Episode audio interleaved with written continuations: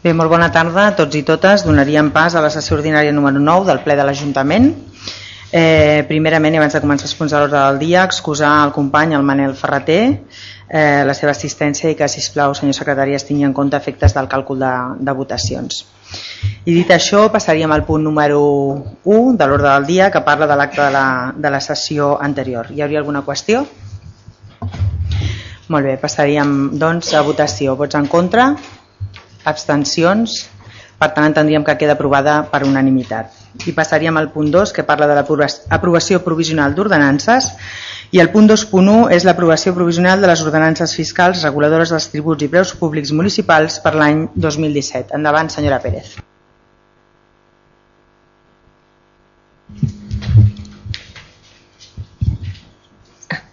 Hola, molt bona tarda a tothom.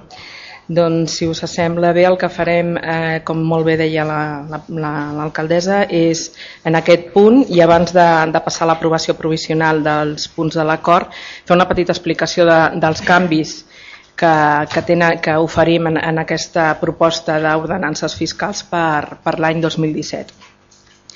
Uh, hi ha forces canvis normatius, uh, com totes sou coneixedores en, amb la posada en, en pràctica de, de la llei 39 barra 2015 del procediment administratiu comú de les administracions públiques i la 40 barra 2015 de règim jurídic del sector públic eh, que han entrat en, que estan en aplicació actualment, doncs han generat tota una sèrie de canvis que s'han hagut de recollir a les, a les ordenances fiscals eh, de, del nostre Ajuntament. Eh, també hi ha modificacions eh, que seguint una miqueta les indicacions que fa la, la Diputació de, de Barcelona en les seves sessions formatives. Aquestes ordenances també tenen en compte justament, que després en parlarem en el següent punt, tenen en compte l'ordenança general de, justament de l'organisme de, de gestió tributària i el seu calendari fiscal.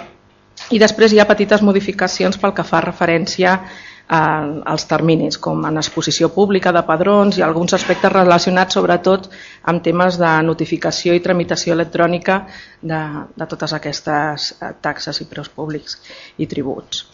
Pel que fa a l'IBI, eh, doncs la veritat és que tenint en, en compte l'escenari polític actual d'incertesa, eh, ens obliga a prendre avui una, una mesura, a fer una proposta pels béns immobles de naturalesa urbana que, que vagi, que, en el qual aplicaríem, la proposta és aplicar un tipus del 0.508%, ja que no tenim la llei de general de pressupostos eh, ni, ni idea de, de quan la tindrem i no podem fer la previsió que, de, de continuïtat que anàvem fent en els darrers anys per, per poder ajustar el, la pujada del valor cadastral que es fa des de l'Estat amb el nostre tipus de, de gravament.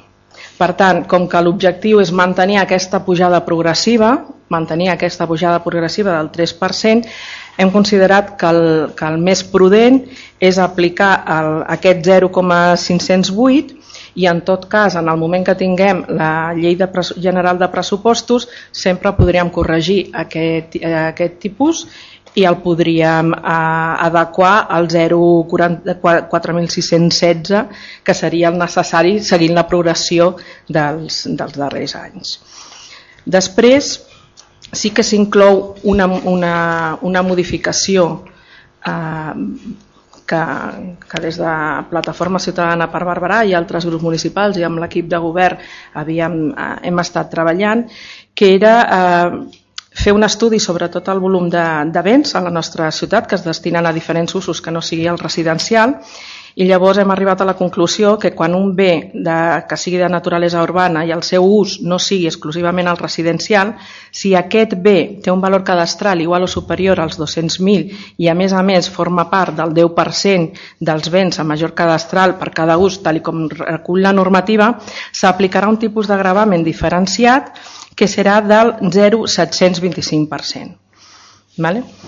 Una altra modificació que, que, que proposem és pel que fa a l'impost sobre vehicles de tracció mecànica. Els darrers anys ha, ha costat una miqueta eh, ordenar tot el tema de la, de la unificació del 75% dels vehicles aquells segons les emissions de, de CO2, Ara tenim eh, una eina que ens serà de molta ajuda i és la certificació de la Direcció General de Trànsit que identifica els vehicles amb, amb un distintiu segons la seva contaminació ambiental. Per tant, Eh, la nostra proposta és de justament aplicar aquesta bonificació del 75% als vehicles que tinguin el distintiu de zero emissions i eco i així unificar criteris amb, amb, altres, amb altres ens, amb altres localitats i amb altres províncies i fins i tot, fins i tot a nivell estatal. Després, pel que fa a l'impost sobre activitats econòmiques, l'IAE, eh, es recull que quan un local resti tancat per més de tres mesos per realització d'obres en, amb llicència urbanística pertinent, la quota tributària que, s'haurà de reduir en proporció al nombre de dies tancats i si aquestes obres no són en el local, que són en la via pública, amb una durada superior també a tres mesos, també es podrà concedir una reducció de fins al 80% del, de l'IAE. Pel que fa a l'impost sobre l'increment del valor dels terrenys de naturalesa urbana, eh, la majoria d'adequacions són normatives i recomanacions de, de, del test a, a l'actualitat. Entrem en l'apartat de taxes, hi ha petites adequacions també normatives, com deia al principi, a la taxa 2.1, taxa d'expedició de documents administratius, i a la taxa per atorgament de llicències urbanístiques o per la comprovació d'activitats comunicades en matèria d'urbanisme. I pel que fa a la taxa 2.3, que és taxa per a la presentació de serveis d'intervenció integral de l'administració municipal en les activitats d'instal·lació, la proposta és que desapareixi la sol·licitud de llicència d'obertura d'activitat inocua, tal com marca la, la normativa, i apareix la inspecció per activitats en règim de comunicació prèvia o declaració responsable d'acord amb la normativa, com bé deia. Eh, canvis en el contingut de la taxa, una cosa que havia sortit aquí en el, en, en, en, en, el, en, en diferents plens i que, que havien comentat que, que s'estava treballant. Pel que fa a la taxa 2.10, taxa d'ocupació del sol, subsol i volada de la via pública, la novetat és que s'ha volgut recollir expressament que totes aquelles entitats, partits polítics o associacions sense ànim de lucre que estiguin degudament inscrites en el registre municipal estiguin absentes d'aquesta taxa i només calgui un informe tècnic si estan en procés de tramitació de la inscripció. De totes maneres, també havíem fet debat sobre eh, l'ocupació de diferents equipaments de la ciutat, això també s'ha treballat i qualsevol proposta que faci una entitat, eh, l'equip de govern està estudiant poder-la declarar. Eh, una activitat d'ús, eh, activitat d'interès d'interès. i llavors seleccioneix també de la taxa permanent sí que es presenta una nova taxa, la taxa que, número 2.17, perdó, que és taxa per la verificació d'ús anòmal de l'habitatge en cas d'habitatges buit. Eh, en plens anteriors també hem vist la inquació d'expedients, doncs això també ens ha fet pensar en aquest, en aquest treball i justament el que fa aquesta taxa és néixer de, de, la, de la necessitat de regular i recollir eh, tota l'activitat municipal, tant tècnica com administrativa, de la inspecció d'aquests habitatges efectuada tant a instància de particulars com d'ofici en aquells habitatges en els que es detecti i es verifiqui una desocupació permanent d'acord amb la normativa corresponent. La quota tributària serà diferent si es tracta de l'expedient incoat i tramitat per primera vegada a diferents requeriments posteriors per incompliment del, del, de l'expedient inicial. Aquests són els canvis més, més importants que recull la proposta d'ordenances fiscals pel 2017 que us presentem avui. Ara sí, passaríem a la part resolutiva de l'acord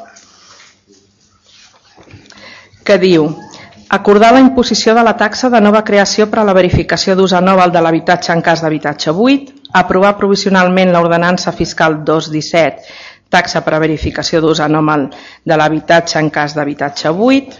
El test d'aquesta ordenança l'he pogut veure en l'expedient. En, el en el punt tercer de l'acord eh, aprovar provisionalment per a l'exercici 2017 i següents la modificació de l'Ordenança General de Gestió, Liquidació, Inspecció i Recaptació dels ingressos de det públic municipal i les ordenances fiscals que a continuació es relacionen. Hi ha la relació dels quatre impostos, impost sobre béns immobles, impost sobre vehicles de tracció mecànica, impost sobre activitats econòmiques, impost sobre l'increment del valor de terrenys de naturalesa urbana i les taxes que hem comentat. La 2.1, taxa d'expedició de documents administratius, la 2.3, taxa per a la prestació de serveis d'intervenció integral de l'administració municipal en les activitats i instal·lacions i la 2.10, taxa per l'ocupació del sol i subsol. En el punt número 4 eh, s'aprova exposar al públic al tauler d'anuncis de l'Ajuntament els anteriors acords provisionals durant el termini de 30 dies hàbils comptats des dels dies següents al de la publicació de l'anunci d'exposició en el butlletí oficial de la província. Durant el període d'exposició pública de les ordenances, els que tinguin un interès directe o resultin afectats en els termes previstos per la normativa, podran examinar l'expedient i presentar-hi reclamacions que estiguin, estimin oportunes. Transcorregut el període d'exposició pública, sense haver-se presentat reclamacions, els acords adoptats restaran definitivament aprovats. I per últim, aquests acords definitius en matèria d'aprovació i modificació d'ordenances fiscals per a l'exercici 2017, així com el test refós aprovat, seran objecte de publicació en el butlletí oficial de la província. Els companys i companyes que heu pogut eh, eh, treballar amb l'expedient del ple heu vist que hi havia un petit estudi hi havia un resum de l'estudi demanat per treballar sobre altres conceptes amb els que havíem pres eh, eh, compromís, com la tarificació social en tota la taxa d'esports, de, de, i, i, altres, i altres petites variacions, però és veritat que a nivell tècnic ha sigut incapaç poder-ho tenir previst per a aquest ple, per tant seguim treballant amb, amb modificacions posteriors de taxes i de preus públics, però com ja sabeu per, per temps, doncs tot el que fa referència a l'ordenança general i a impostos doncs, eh, s'havia de portar en el, en el ple d'avui. Moltes gràcies. Gràcies, senyora Pérez. Alguna intervenció? Senyor Rivera, endavant. Moltes gràcies, bona tarda. Eh, aviam, eh, gairebé, però aquest any sí que podem afegir coses noves. Podria fer intervenció de l'any passat per aquesta època, però farem una cosa i és que no repetirem el que vam dir l'any passat i sí farem comentari de coses que ens semblen positives de la modificació que, ens, que se'ns proposen i coses que ens sembla que al nostre parer falten. Entenem que en aquest procés que ha dit la senyora Pérez les podrem incorporar tan aviat com sigui possible. Aviam, eh, adaptar les ordenances fiscals a la normativa vigent no és opcional, per tant, entenem que s'ha de fer. Sí que ens agradaria que, a més de, de tenir present el criteri de l'organisme de recaptació, també com a Ajuntament pues, tinguéssim mm, uns criteris propis. Uh, pel que fa al, al canvi de l'IBI, en, en una part, que és la fixació del coeficient del 0,508, estarem atents per a aquest principi de precaució que deia la senyora Pérez. Sí ens sembla positiu que hi hagi una regulació per usos diferents al, de, al residencial, és un tema que havien demanat tant la plataforma com altres grups. Entenem que tampoc era tan complicat i, i es demostra que tampoc no era tan complicat. El podrem fer aquest any l'experiment, veure com ha funcionat, però sí que ens sembla important que al principi de qui més té, més pagui, al principi de, de capacitat econòmica, el puguem fer nostre. Pel que fa a l'impost de vehicles, bo regular això, però recordem com vam fer l'any passat, la taxa per vehicles històrics, em sembla, la bonificació per vehicles històrics em sembla que seria important recuperar-la, Eh, pel que fa a l'IAE, la reducció de quota per, per obres que es, que es derivin de d'una necessitat de posar en ordre d'un requeriment de la mateixa activitat podríem entendre la bonificació quan es tracta d'una obra que es fa al carrer. Entenem que quan hi ha una llicència que s'atorga i hi ha un pla urbanístic al carrer, ja s'atorga amb aquest condicionament de que si, si hi ha aquest pla pues, no s'ha de, de repercutir o que no s'hauria de compensar. Però bé, aquests són els nostres parers. Ah, pel que fa a les taxes, eh, aquesta taxa de comunicació en comptes de sol·licitud de, lli de llicència és correcta sobre la normativa, Sem em sembla que és un avenç. La taxa d'ocupació eh, que aquesta exempció i que aquesta característica d'interès local es pugui aplicar em sembla positiu i tenim algun dubte en la taxa de verificació d'ús anòmal eh, un dubte que va relacionat amb la definició d'habitatge buit vale? que no ens agradaria que bueno, des del nostre grup donarem suport a que s'apliqui aquesta taxa, però no ens agradaria que ens quedés sense efecte. Vale. Sí que ens agradaria que des de, com a mínim, si la regulació sectorial reglamentària no existeix, doncs sí que des de l'Ajuntament eh, aprovéssim alguna mena, uns criteris, uns indicadors per verificar que aquest habitatge està buit. Vale? Perquè la definició de la llei d'habitatge és molt clara, però a l'hora d'aplicar una sanció no basta amb una definició legal. Què trobem a faltar? Pues això que ha dit la senyora Pérez. Uh, D'una banda, no estem d'acord en canviar la taxa d'esports per peu públic sense fer un, primer una bona reflexió. Recordem que una taxa com a màxim es pot aplicar el cost del servei. Un preu públic com a mínim s'ha d'aplicar el cost del servei. No vol dir que no es puguin aplicar tarifacions socials, però s'haurà de calcular molt bé perquè són aspectes diferents.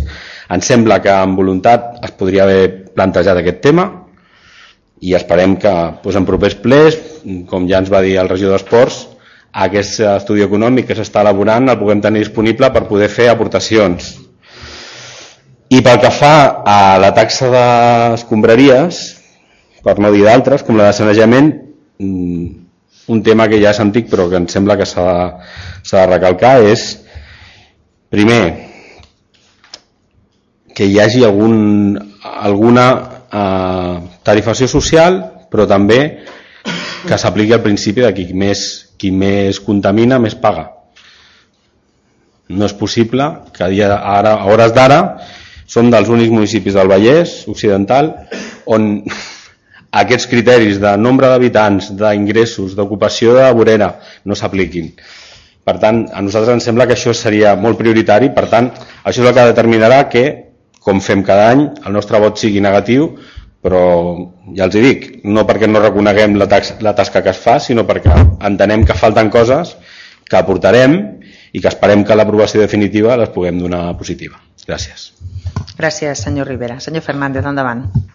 Gracias, buenas tardes. Eh, bien, desde el Grupo Municipal del Partido Popular eh, voy a hacer también un poco lo que ha hecho el anterior portavoz que ha intervenido y es eh, señalar algunas de las cosas que también me parecen positivas y otras en las que no lo vemos muy claro. cosas positivas, cuando se ha dicho anteriormente que se va a aplicar o se tienen que hacer las modificaciones mm, en las ordenanzas que vienen de la legislación estatal. Eh, entiendo que no lo decía con un tono despectivo, eh, porque hay una serie de modificaciones que son muy positivas y creo que es importante que la ciudadanía, eh, pues bueno, se le informe y que, por ejemplo, hoy en este pleno eh, tengan conocimiento de qué modificaciones se incluyen. ¿no? Algunas de esas importantes modificaciones para la Administración y para la relación con los ciudadanos es, pues, por ejemplo, el hecho de que alguien que quiera mandar un documento a este ayuntamiento y no esté en Barbará, pues pueda hacerlo no solo en una oficina de correos, sino que pueda hacerlo también pues, en, otra, en otra administración de España o, eh, o, dentro de la propia Cataluña pues en diputaciones o en las islas. ¿no? Esto hasta ahora no era posible y se tenía que gastar un dinero.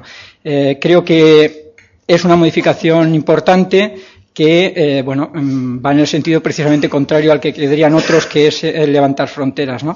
al menos desde el punto de vista administrativo. Es importante también resaltar que los sábados ahora serán inhábiles a todos los efectos. Es decir, antes había cierta confusión, mm, bastante confusión para las personas normales que el sábado pues mm, les contara, ¿no? Como un día para pues para presentar alegaciones, para presentar papeles. Esto ya no es así. El sábado es inhábil y por lo tanto eh, quería dejarlo claro, ¿no? Eh, algo también que me parece positivo, pues eh, los avances en, materia de, la administración electrónica. Una de las modificaciones dice que el ayuntamiento enviará un aviso al dispositivo electrónico, estaba hablando de móviles o el correo electrónico, si lo quiere el particular, a pesar de que no tenga la obligación de recibir notificaciones de forma electrónica, pues podrá recibir avisos si van dirigidos a él, ¿no? Eh, bueno, la pregunta un poco también eh, que se me plantea aquí es que es, eh, entiendo que, la página web o el, o el ayuntamiento de alguna manera tendrá que tener algún sistema para dar de alta a aquellas personas que quieran poder recibir este tipo de avisos, ¿no? porque está previsto o lo vamos a prever y creo que no, desde el punto de vista técnico, no creo que esto estemos todavía en este, en este punto. Una, a ver, entrando ya en lo que es en materia de, ordenanzas del impuesto, eh, no se ha dicho antes, pero ya que se modifica, el hecho de que se ponga una exención eh, para las superficies de, esos terrenos que se repueblan y que se y que bueno regeneración ¿no? de la masa forestal. No sé si no lo he escuchado, eh, creo que es importante mm, decirlo. Eh, no sé si tendrá mucha practicidad, pero bueno, aquí está y, será, y es una novedad que me parece positiva. Otras novedades importantes en cuanto al IBI, pues el, diferenciar, aunque sea un poco a lo bruto, eh, mm, utilizo un poco esta expresión entre el uso residencial y el resto de usos, que eh, la pregunta que, mm, le hago a, la concejala de Hacienda es si existe una previsión, un calendario para que podamos tener definitivamente un IBI con eh, esta diferenciación de usos que, al que también hacía referencia el anterior portavoz, ¿no? Si existe alguna posibilidad que en esto, en este mandato, este equipo de gobierno va a poner. No, no, ahora actualmente hay una diferenciación en el IBI en cuanto a residencial o no residencial, ¿no? Entonces, eh, claro, dentro del no residencial hay diferentes categorías. Eh, me parece positivo el que se ponga también un incremento y que paguen más pues aquellos eh, bienes inmuebles de mayor valor catastral del 10%. Eh, quiero decir que todas estas eh, incorporaciones no son una novedad de ahora. Eh, sí en nuestras ordenanzas, pero evidentemente en la ley que le da cobertura, que es la ley de haciendas locales, pues bueno, tengo que recordar que fue una reforma importante que hizo el Partido Popular en el año 2002 y que ya lo preveyó entonces en la, en la legislación estatal. Por lo tanto, eh, bienvenidos sean. Por ejemplo, el Ayuntamiento de Madrid lleva muchísimos años cobrando eh, bastante más a los bienes inmuebles que tienen, por lo tanto, mayor capacidad contributiva.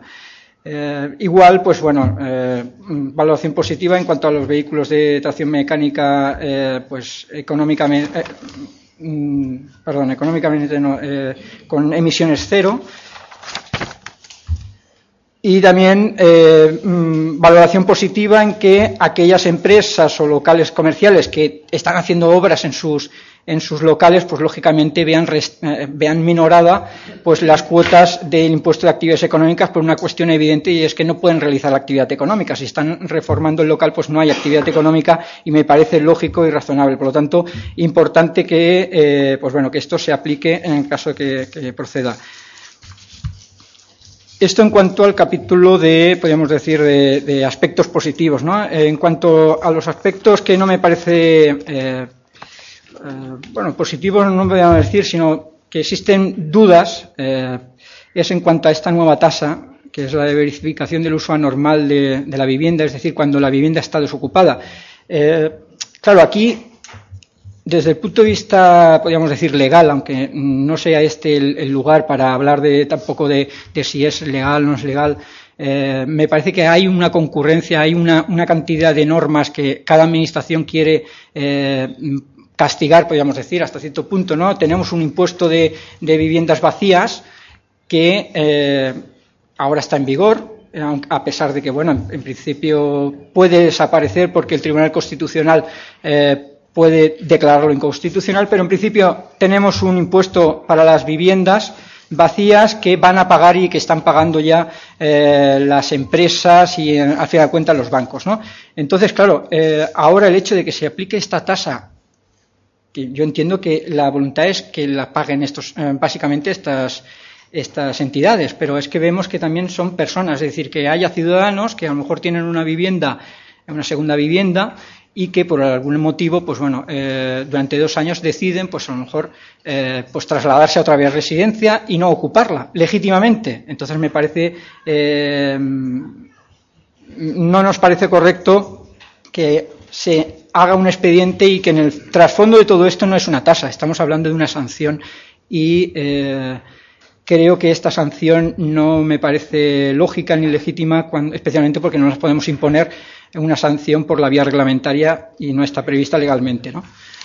En fin, yo creo que hay aquí muchas normas que lo que están generando es bastante confusión y esta eh, norma, en el punto, o sea, desde el punto de vista práctico, va a tener muy poco o nulo, nulo aplicación práctica y, creo que se está haciendo mm, desde un punto de vista para vender un determinado discurso eh, hasta cierto punto populista y que eh, no me parece mm, que sea esa la, mejor forma de, actuar por parte del ayuntamiento. Básicamente eso era lo que quería decir y, bueno, nuestro sentido del voto eh, eh, por este último aspecto de la tasa de verificación pues será el de la abstención. Gracias. Gracias, señor Fernández. ¿Alguna intervenció més? Pere, endavant. Bé, bona tarda. Jo intentaré ser molt breu.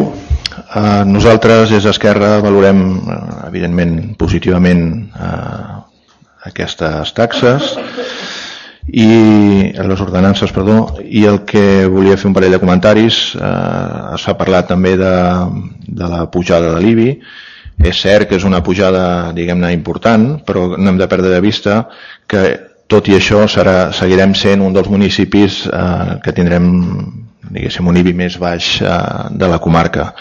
I això també és important recalcar-ho i només una, una petita valoració després d'escoltar de, el company del Partit Popular eh, sembla ser, vostè diu que és un tema de discurs de l'Ajuntament o no sé com ho ha fet anar doncs home, si s'hagués si hagués vist una mica la llei de la que parla aquesta, aquesta proposta és una llei que parla de pisos de grans tenidors, no de persones que tenen dos pisos. El nostre vot és afirmatiu, és positiu.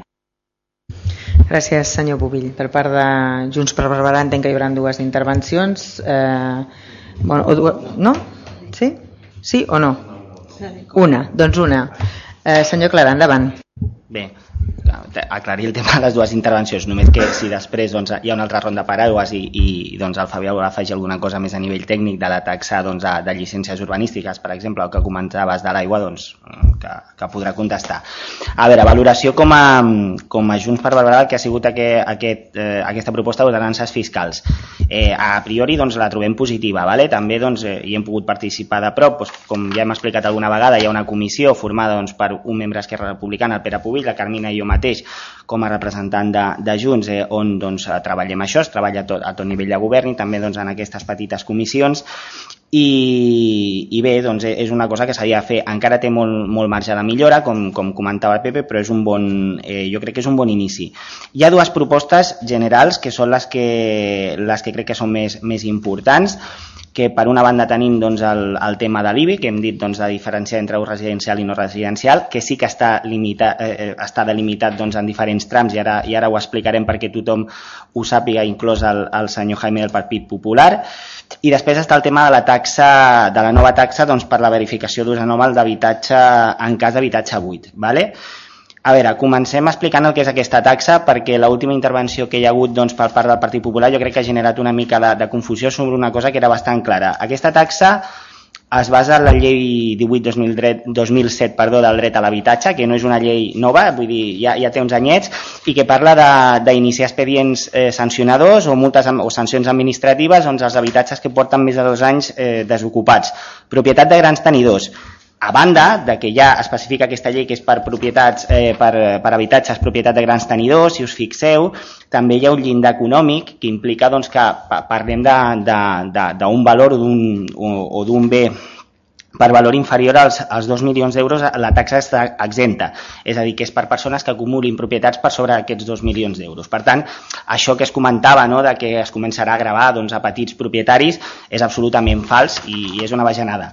Eh, explicant una mica com, com, funciona, com funciona aquesta llei, com funciona aquesta taxa, com hem parlat en aquest ple altres vegades, doncs el que hem fet és iniciar expedients sancionadors en, en habitatges buits. Aquí a Barberà malauradament en tenim molts, en tenim uns 180 habitatges buits propietats d'entitats financeres i ja s'ha començat doncs, a, a iniciar expedients sancionadors. Què passa? Aquests expedients sancionadors impliquen moltíssima feina a nivell administratiu, a nivell tècnic, a nivell jurídic. De fet, s'ha contractat una persona exclusivament per iniciar expedients sancionadors. ¿vale?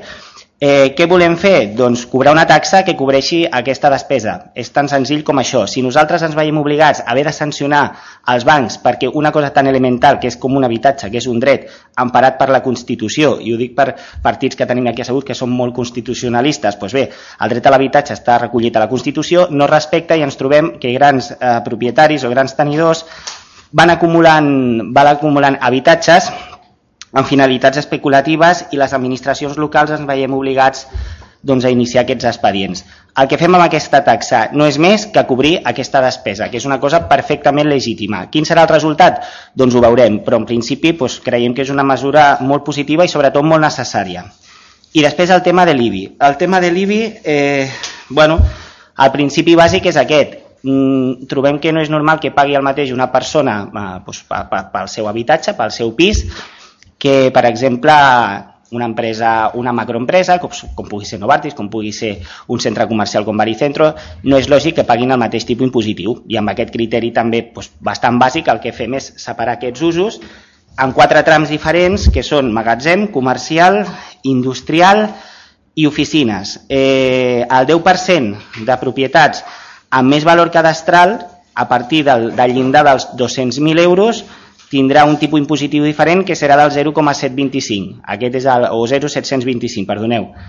Eh, aquesta és la proposta. Amb aquesta proposta l'impacte econòmic que pot tenir això en principi està calculat més o menys al voltant d'un milió d'euros. Un milió d'euros que tindrem doncs, més endavant a les arques públiques i que podrem destinar a polítiques socials. Aquesta és la proposta que portem de l'IBI, que creiem que és una de les, de les, de les propostes més importants que hem portat doncs, a, al ple fins ara i que a més ens ha de permetre doncs, ampliar pressupost per fer doncs, tant polítiques socials, inversions, equipaments, etc per la ciutat.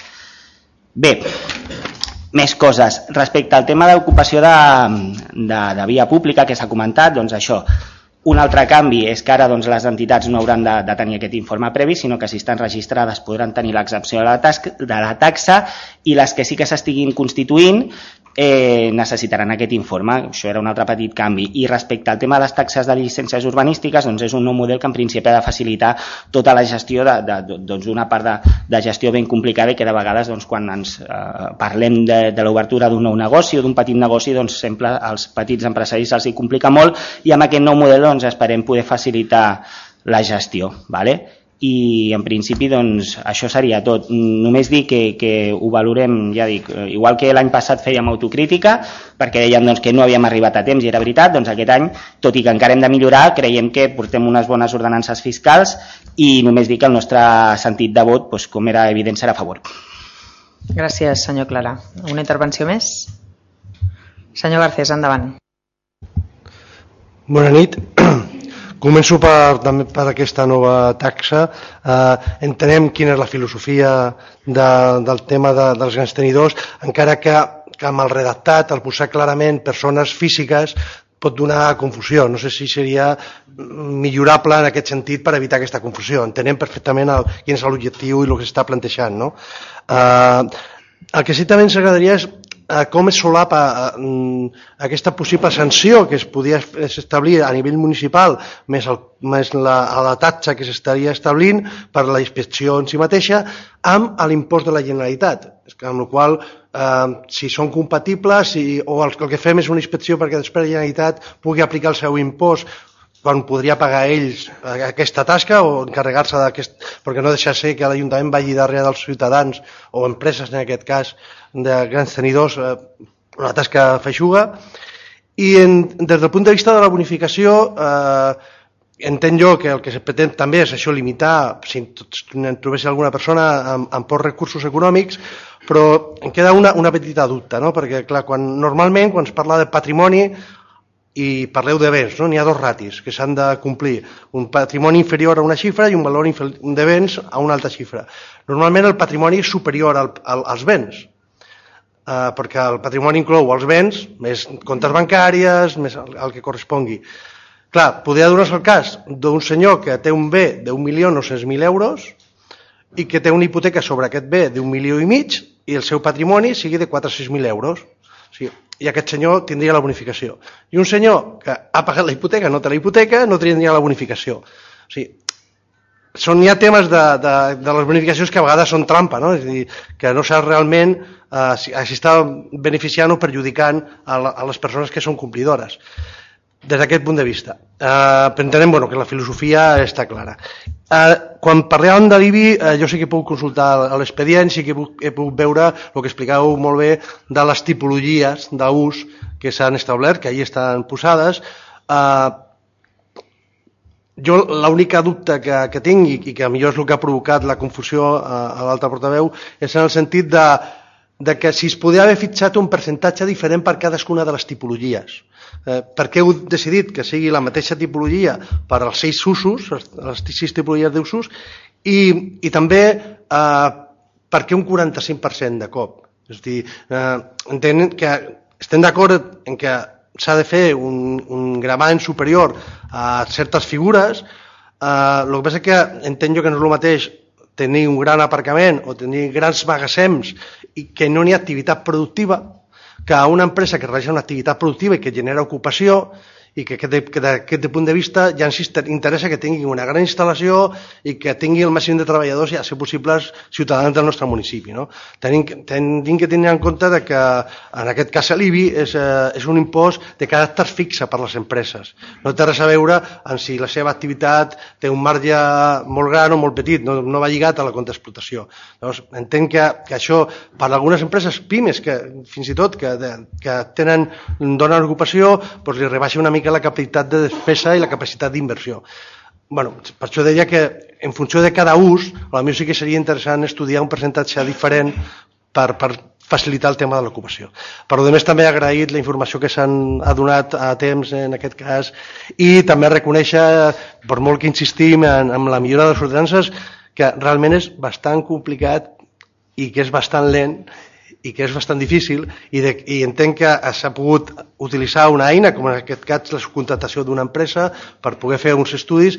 El que sí que he vist amb el document de, de més per l'empresa de que eh, se l'ha contactat per la millora de quatre, de quatre figures tributàries, m'agradaria saber quines són d'aquestes quatre, quines estan acabades i quines estan pendents, i també quin és el cost global d'aquest estudi. Moltes gràcies. Gràcies per les seves apreciacions, senyor Garcés. Algun, per algun aclariment en concret?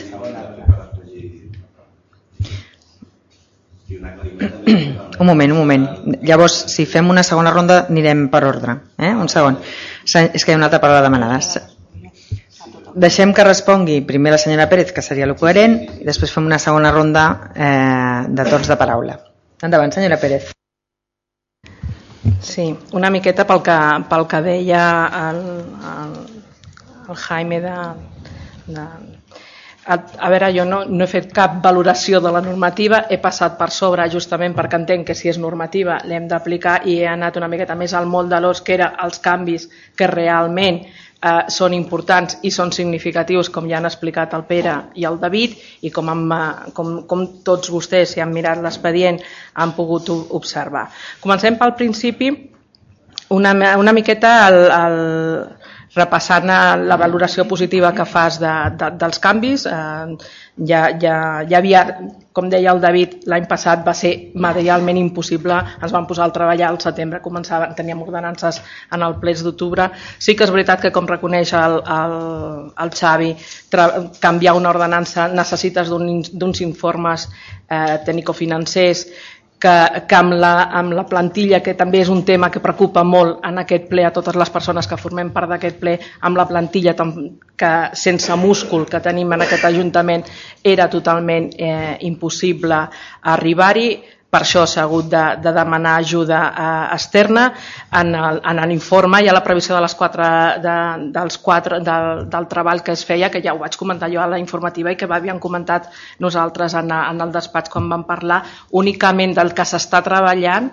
doncs va, va l'IBI, perquè no, no tenim res més, que és, que és el que es presenta avui, és l'única modificació. Ja li he avançat també al José Luis que estem treballant amb el tema d'esports, estem treballant en temes d'IAE i estem treballant en temes d'ICIO, però l'únic que s'ha pogut tancar és el, el tema de l'IBI. Uh, José Luis, el tema dels vehicles històrics ja està a l'ordenança, que tenen una bonificació del 100%. En el punt, sí, en l'article 5, en el punt 2, està recollit quan que has dit que, que et semblava que, que, que no.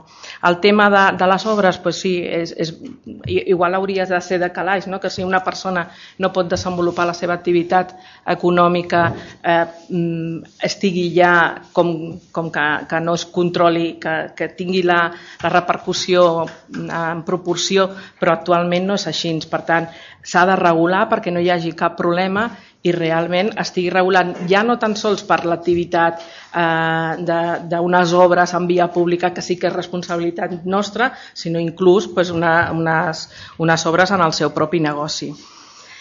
El tema dels habitatges buits em sembla que amb l'explicació que ha fet el David queda molt clar de quin tipus d'expedients de, de, estem parlant. Una persona, senyor Fernández, pot ser un gran tenidor, per tant ha de, ser, ha de sortir aquí per tant, si en tot l'expedient s'explica detalladament de quins imports estem parlant, de, de quins conceptes, gran tenidor pot ser un banc, pot ser una persona, pot ser una societat, poden ser diferents, eh, diferents ens i per això que pensaven que, que era oportú poder-ho recollir. Eh, el tema d'esports de de, de, eh, no està tancat del tot, per tant no, no sabem encara si acabarà sent taxa, si serà preu públic, s'està treballant i no hem pogut avançar tot el que ens agradaria, però de seguida que tinguem una proposta també la compartirem de la mateixa manera que quan us vaig, dir, us vaig avançar que estaven treballant amb els quatre, amb, amb el tipus diferenciat d'IBI. temes taxes d'escombraries, que suposo que per això fa, fa demanar al, al Fabi poder intervenir, doncs sí, és una de les altres coses que ens preocupa, com la taxa de sanejament. Estem, estem a sobre d'aquest tema i estem en predisposició de poder corregir per, per una vegada doncs, tot, tot el que eh, aquest Ajuntament ha anat cobrant de taxes de, de clavegaram, per exemple, i que la ciutat no disposi d'un pla de sanejament de, del clavegaram. Doncs sí, trobem que és un greuge molt, molt, molt important i que doncs, anem treballant, anem treballant, però és impossible, com, com deia el Xavi, tenir tantes coses, tants fronts oberts a, a l'hora. Uh, a veure que no em deixi res... Uh, els avanços en matèria electrònica, senyor Fernández, doncs sí, doncs és que una de les normatives que justament és de procediment administratiu eh, comú de les administracions públiques parla de tot aquest nou vessant, però el que és curiós és que encara en l'any 2016 doncs, estiguem en les condicions que estem en alguns ajuntaments. Estem fent la formació a nivell de serveis generals i de noves tecnologies, s'estan fent comandes de material, comandes de, de programes per poder implementar tot el que des de plataforma en el seu dia havíem reivindicat de que de tot intentés anar pel camí de, de procediment electrònic, de que, els, de que els expedients fossin expedients electrònics i de poder implementar tot això, però bueno, no amb el ritme que ens agradaria, però estem, estem en aquest tema. l'ús diferencial, a, a Barberà del Vallès actualment no hi ha cap tipus d'ús diferenciat, només teníem un tipus únic de gravament i que era el que hem anat aplicant històricament i la novetat és introduir un, un tipus de gravament diferenciat que en aquest cas coincideix amb quatre usos molt, molt, molt concrets justament perquè com que graves o el 10% del, de, que marca la normativa, però a més a més poses un topall de béns de més de 200.000 euros de valor, doncs això fa que aquest tipus de gravament diferenciat només afecti el, a magatzem o, o grans aparcaments, a oficines, comercial i industrial. Vale? I després el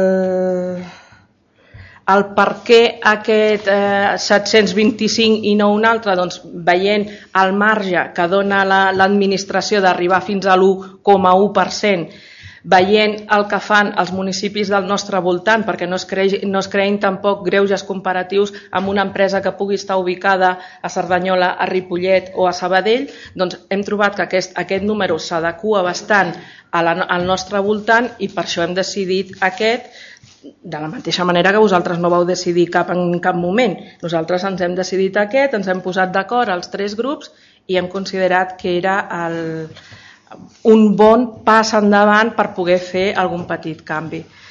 I em sembla que no em deixo res més.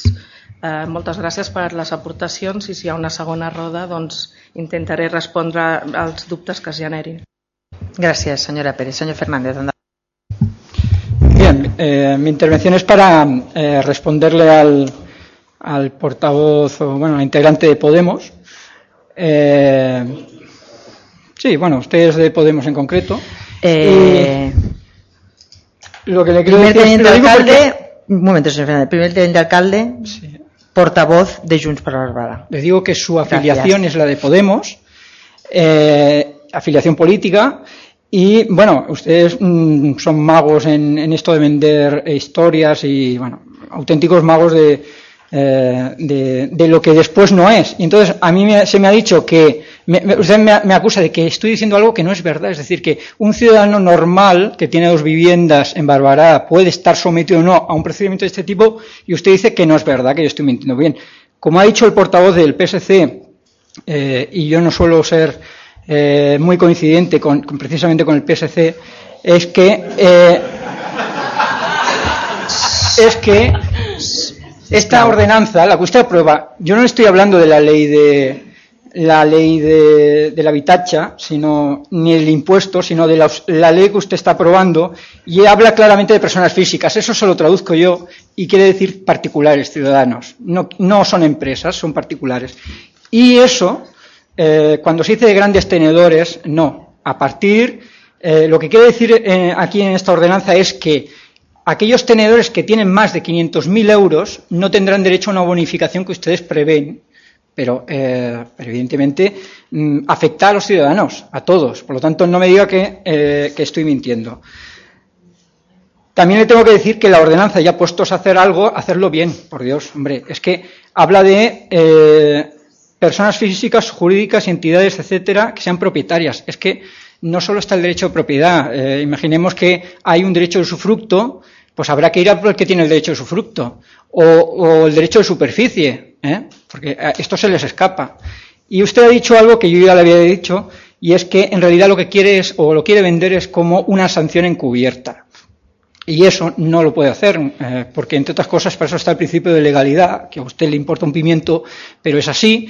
Y una tasa que intenta, precisamente se pone, se pone para aquellos supuestos en los que se tiene que realizar una investigación de si una persona, o sea, un piso está ocupado o no está ocupado, es porque tiene que haber efectivamente una actuación administrativa y un gasto para la administración. Pero yo pregunto, eh, teniendo como tenemos ahora un impuesto eh, que grava eh, pues esta situación y que son las empresas y los bancos las que están declarando qué pisos y cuántos metros cuadrados están desocupados y, y, por lo tanto están señalando qué es lo que está desocupado, ustedes tienen que hacer una actuación para señalar a esos pisos que están diciendo esas empresas que están ya desocupados. ¿Por qué no? Porque ahí no, esos no van a quedar afectados. Porque ahí no va a haber ninguna actividad si ya le está diciendo el propietario que está desocupado. ¿Cómo va a cobrar una tasa por, por no hacer nada? O sea, no lo veo en nada. Y, y, en cuanto a lo que dice, yo eh, tengo serias dudas de que eh, la administración competente es el ayuntamiento, de, el ayuntamiento, porque el artículo 42 de la ley de, de precisamente habla de que los planes de inspección, los planes de inspección los aprueba el, eh, la Generalitat. ¿Vale? Y entonces, claro, cuando los planes de inspección y los hace la Generalitat, pues en ningún sitio pone que la administración competente sea el ayuntamiento. Puede ser discutible o no discutible, yo ahí no me voy a meter. Yo simplemente le digo desde la valoración política es que ustedes hacen esto más para eh, darle bombo y platillo que no eh, porque detrás de ello haya un verdadero interés de cobrar 500 600 euros. Gracias. Gràcies, senyor Fernández. Senyor Pubill, endavant. Sí, només eh, un parell de matitzacions. Jo que li demanaria al senyor Jaime, als companys del Partit Popular, que intentin mantenir el respecte que mantenim els altres, tot i no pensar com, com pensem com pensen vostès. Bàsicament perquè com a mínim semblaria que són respectuosos amb la resta de partits.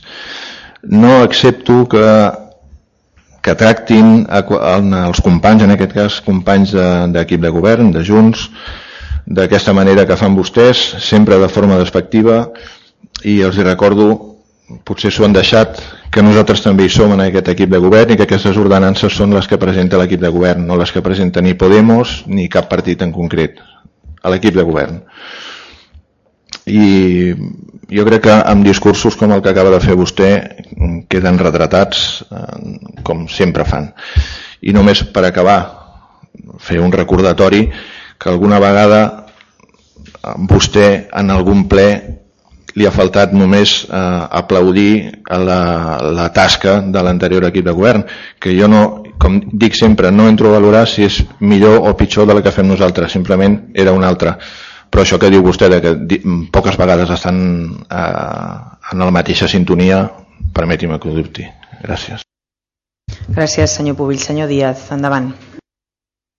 Sí, bueno, bàsicament per algunes coses que també s'han dit i que jo crec que també val la pena trencar una llança. Vull dir, s'ha dit que s'ha contractat una empresa per fer uns estudis, és veritat, i s'ha de valorar positivament perquè de fet un dels canvis més importants, que és amb el tema de l'IBI, doncs, ha, ha ajudat a fer-ho però també perquè diferents membres de l'equip de govern ho sabem molt bé, vull dir, tant la Carmina com també entenc que, que també la Sandra com altres membres de l'equip de govern hem estat molt a sobre perquè poguessin tirar so endavant un canvi de taxes que sí que l'han assumit eh, personal eh, tècnic propi d'aquest Ajuntament. Per tant, això també valorar-ho. Vull dir, han estat setmanes i dies de discussió, d'última hora, perquè de fet és això, sí que costa canviar, ara ens adonem que costen canviar molt les taxes, però sí que volia, perquè ningú ho ha esmentat, hi ha hagut un treball tècnic de funcionaris, també d'una persona que s'ha contractat via un pla d'ocupació per poder fer això i altres tasques eh, i això és una cosa que personalment també conec bé des de la regidoria de territori i medi ambient perquè part d'aquesta tasca s'ha hagut d'assumir des de personal tècnic que està escrit a serveis territorials i ho volia esmentar, vull dir, molt bé que, que, que valorem la positivament que contractem empreses, però també hi ha hagut treballadors municipals que s'han deixat la pell perquè això pogués tirar endavant quan portem molts anys eh, que semblava que les taxes pues, això li creixia una mica la pols a, a moltes d'elles. Després, una altra part, sí que és veritat que que aquesta és l'orientació. De fet, ja ho ha esmentat la Garmina, hi ha un debat a l'entorn de la taxa d'escombraries, però que jo és un tema que tranquil·lament puc dir perquè és una cosa que s'està discutint a nivell de l'equip de govern com tot, tothom sap la concessió de la, de la neteja viària doncs acaba el, a principis o a primavera del 2018 i jo entenc que en el debat que hem de fer de com ha de ser aquest nou servei qui, qui l'hauria de gestionar i com s'hauria de gestionar jo entenc que també és un bon moment perquè l'equip de govern també tingui un marge juntament amb l'oposició i la ciutadania per poder discutir com ha de ser aquesta nova, aquesta nova taxa de, per exemple en el cas de les escombraries. Amb el tema del sanejament o del tema del clavegaram està passant exactament el mateix, vull dir, estem a punt de, de poder eh, compartir amb, amb, amb l'oposició i també amb la ciutat doncs, canvis importants que no s'havien fet fins ara des, des que s'està aplicant la taxa, com ja ha avançat la Carmina, i, i diguéssim que són coses que, que s'aniran fent. També amb el tema de l'aigua, vull dir, en les properes setmanes també podrem, eh, després d'haver fet un treball també important, de consens també per generar una proposta que també la puguem explicar a la ciutat i que, i que, també, la, que, que també la puguem explicar a l'oposició, també un tema eh, vinculat a la tarifació amb el tema de, del, de la, del consum de l'aigua potable, de la, del rebut de l'aigua potable. Vull dir, són temes que diguéssim que això sí que és un compromís i com ha dit el company de Recuperem és una cosa que entomem, però que també, jo crec que també hem de ser, i aquí també vull ser clar, vull dir, tampoc podem permetre, bueno, no sé, que no, en un any i mig que portem, o un any i tres mesos, que portem alguns de nosaltres, perquè vam començar el juliol del, 2000, del 2015, diguéssim que, i ho hem de dir també perquè bueno, que la gent que ens estigui escoltant a nivell de ciutat també ho sàpiga, vull dir, no, no, no, no podem fer-ho tot, però sí que és veritat que s'estan notant canvis importants i que s'està treballant perquè hi hagi canvis importants i també en dinàmiques que ja dic que durant anys doncs aquestes dinàmiques estaven totalment col·lapsades no? per ser per ser, diguéssim, més o menys eh, educat amb les, les anteriors etapes polítiques. Després, una cosa, no sé, en relació a aquesta discussió que està havent-hi a l'entorn de la taxa aquesta famosa de, del tema de les inspeccions, diguéssim, aquesta setmana estem firmant, doncs, eh, per exemple, en el cas de... s'estan fent, bueno, s'està arxivant alguns expedients que s'havien fet d'habitatges d'utilitzes de, de, de grans tenidors a, a, nivell d'utilització anòmala d'habitatges. Vull dir, el que s'està parlant, ho estan explicant els diferents companys de govern, l'orientació d'aquesta taxa és la inspecció. Igual que estem parlant que s'ha aprovat també una modificació de la taxa d'inspeccions d'activitats, diguéssim, ha d'haver uns treballadors municipals que, que hauran de fer aquesta feina, que han de fer aquesta feina, i diguéssim que té totalment coherència. Vull dir, ara el que estem rebent és que hem d'arxivar molts d'aquests expedients perquè resulta que les propietats, eh, aquests grans tenidors, doncs sí que és veritat que s'ha comprovat doncs, que han traspassat l'habitatge o que han fet una, o que aquests habitatges s'han venut o que aquests, diguéssim, eh, apliquem una mica el sentit comú, que és el que estem aplicant. Vull dir, igual que estem parlant d'una taxa d'activitats que també serà important perquè diguéssim que estaven trobant certes deficiències en el funcionament, per exemple, de com, com a Ajuntament, doncs estem mirant l'obertura i el seguiment de moltes activitats a la ciutat i això no està generant cap mena de debat, que posem un impost o que posem una taxa, doncs això estem parlant una, una mica doncs, en el mateix sentit, vull dir, el que estem parlant i, i diguéssim que el que estem cobrint és que haurà d'haver una tasca municipal, que ja s'ha explicat, vull dir que haurem d'anar a fer aquestes inspeccions, no per multar ni per investigar, vull dir, no sé, només per comprovar que aquell, aquell, aquell habitatge d'un gran tenidor realment doncs, compleix, com ja s'ha comentat també abans, doncs, aquests criteris d'utilització anòmala. Gràcies. Gràcies, senyor Díaz. Senyor Garcés, endavant. Sí, molt breu. Només dos qüestions que no se m'han respost, que no té per què ser ara, que és el tema de quin és el cost de l'estudi i també la interferència o no amb l'impost de la Generalitat, en aquest cas, i ja que després de la intervenció mm, que s'ha fet des de la taula, eh, si com encara queda recorregut, s'espera increment d'aquest tipus també en el 2018 i 2019. Gràcies. Gràcies, senyor Garcés. Senyora Pérez, si vol aclarar el, el, cost de, el cost de l'estudi, t'ho diria de memòria, és un contracte menor, per tant no arribava al, al, als 6.000 euros, no, no arribava. Us dono la, la xifra exacta en la, la propera informativa o, o, o com vulgueu i, i després el de la interferència amb la Generalitat eh, ja ho mirarem. I a l'estudi ara plantegem les ordenances del 2017 no ens hem plantejat l'evolució d'aquest fins que no veiem com, com, com va, es va desenvolupant la d'aquest any. Estem, estem a 2016 i amb prou feines tinc per planejar el 2017 com haver de pensar què farem el 2018 gràcies. Gràcies senyora Pérez. Donarem la paraula última paraula abans de procedir a votació al senyor Clara per al·lusions molt breument, només per aclarir també la composició del grup municipal Junts per Barberà, que tenim a Podem, tenim a l'Esquerra Alternativa per Barberà CUP i tenim a, a Procés Constituent, per deixar-li clar al Jaime, jo sé que ens estimen molt des del Partit Popular, dir-li que el sentiment és mutu i, i res, jo no sé si ha fet esmena vostè abans al principi de legalitat, representant el Partit Popular.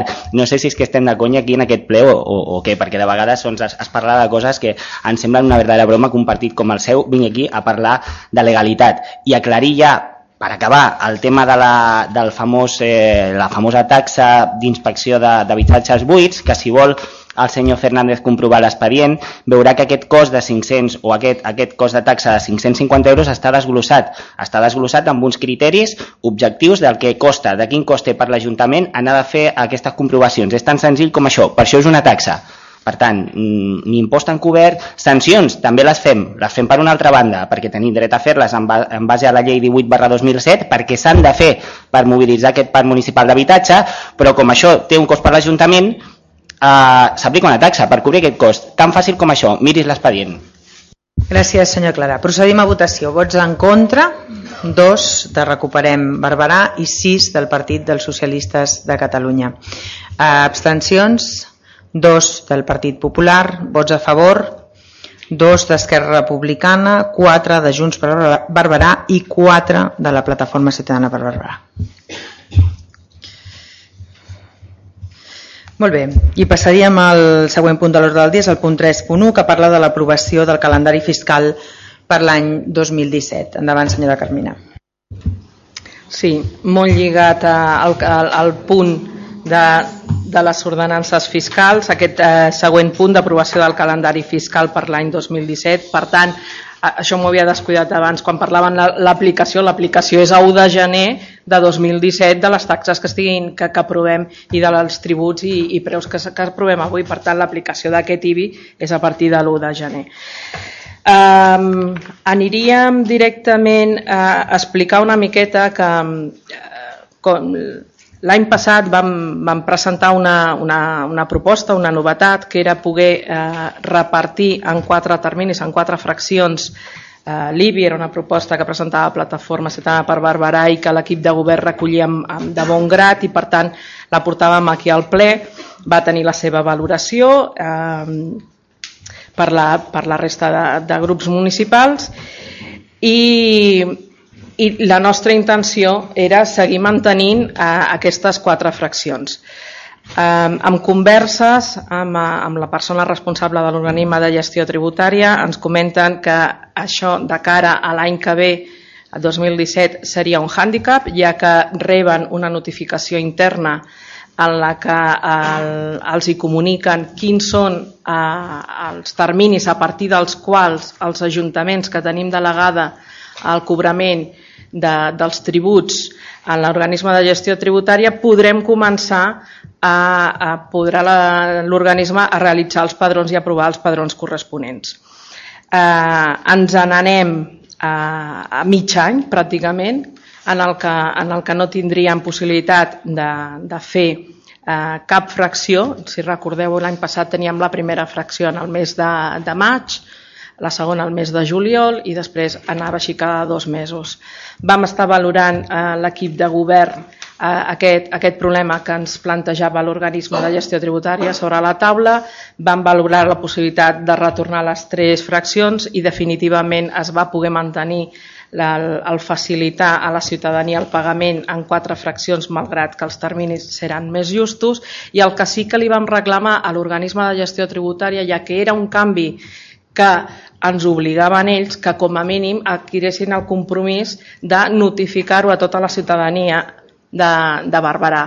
Es va recollir la proposta i avui el, el responsable de l'organisme en confirma que ha rebut eh, una, una notificació interna en, el, en la que ens comprometen a enviar el calendari fiscal a totes eh, persones o ens, entitats el, el, i societats eh, eh, per poder informar, perquè si, si algú no ho sap, només s'enviava a les persones que no tenien domiciliat els diferents tributs. I en el cas de l'IBI, eh, la domiciliació puja pràcticament al 75%. Per, eh, per tant, el que fem avui és aprovar el calendari fiscal que fixa els períodes per ingrés dels patrons fiscals per l'any 2017 de la forma següent.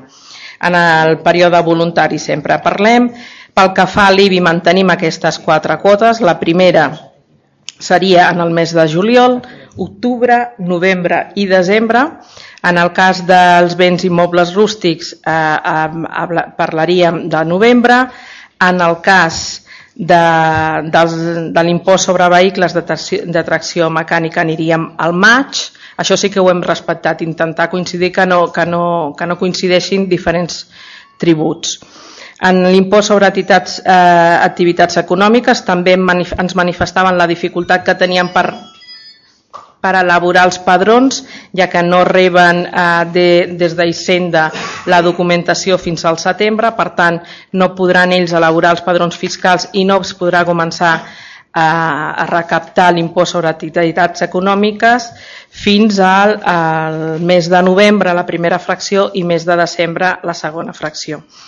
Pel que fa al cànon de conservació del cementiri no hi ha cap novetat, això es manté, igual que eh, la taxa de, per la qual es regulen les entrades als vehicles, el, els anomenats guals, també va lligada amb, amb, amb l'IBI, per tant també ha de començar al setembre i es manté la taxa de manteniment dels horts que es feia al novembre i la taxa de recollida de tractament i eliminació d'escombraries i altres residus sòlids es fa el pagament bimestral com actualment en, amb el rebut de l'aigua, igual que la taxa de clavegueram que ja, que ja hem parlat.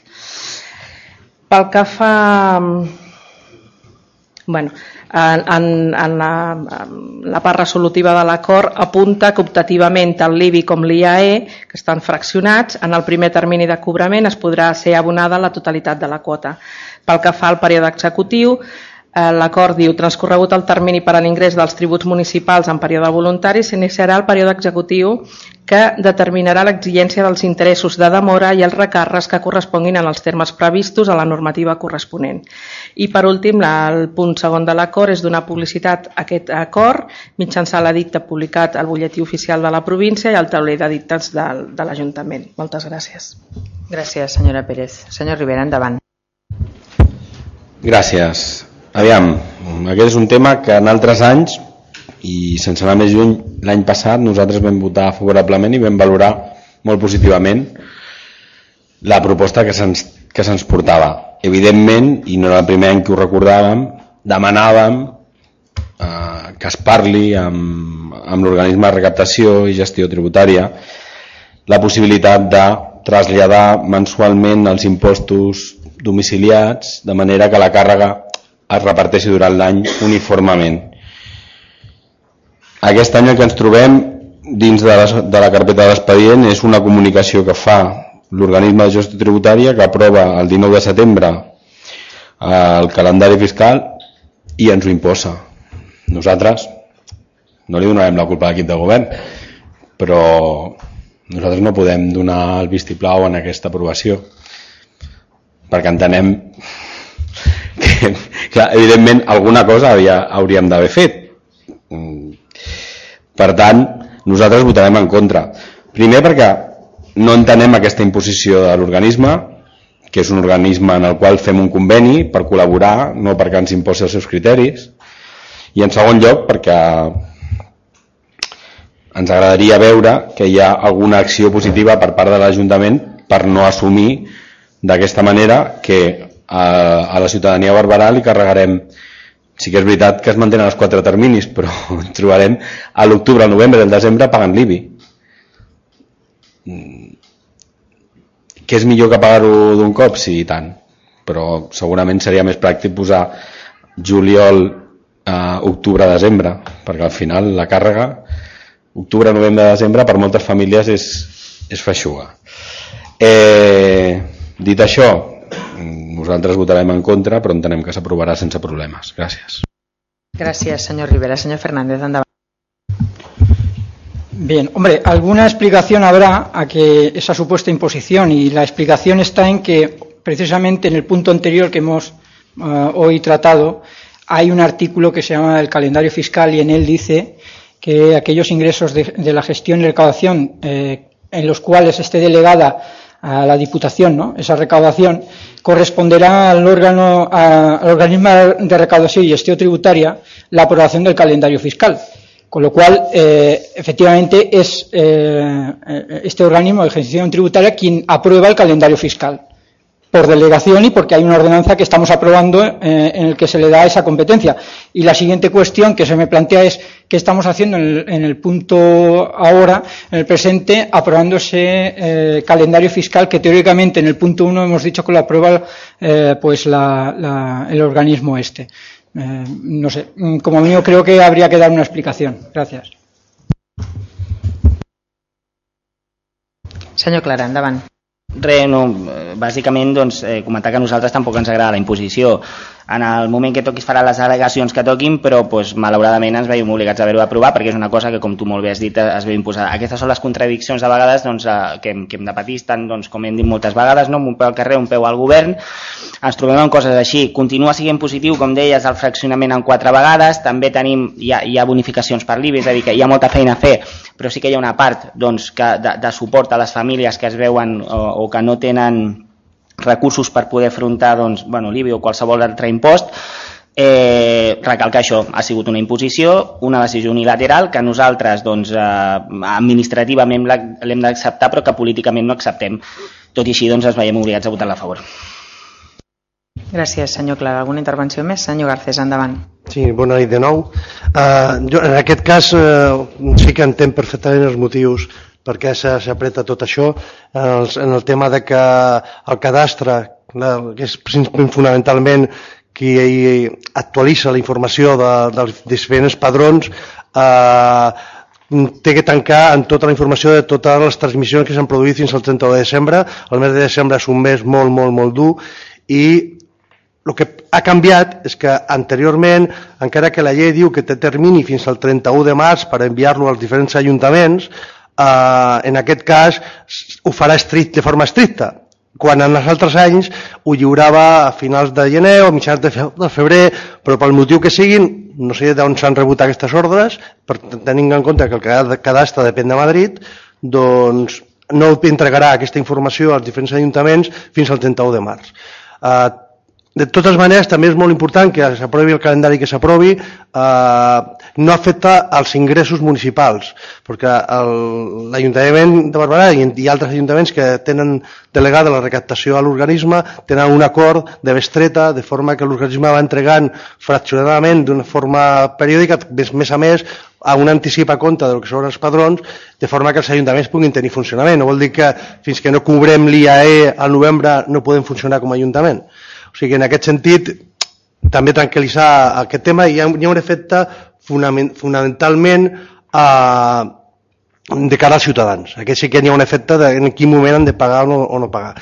Jo, en, en aquest cas, nosaltres fèiem tres pagaments per alguns motius, un era aquest fonamentalment, i jo crec que la, la nostra, la nostra posicionament en, en, aquest, en aquest punt de l'horari serà d'extensió perquè el, perquè a pesar de, de, de que ens agradaria que s'hagués tornat els tres, els tres terminis, eh, entenem les dificultats que, que comporta. Però entenc que als ciutadans que s'ha estat millor un 33% al juliol, un 33% a l'octubre i un 33% al, al desembre, amb la qual al final de l'any només serien dos terços, i d'aquesta forma passem un 75% al final, a l'últim trimestre, que és bastant fort, i la petit increment del que seria el juliol seria assumible per moltes famílies.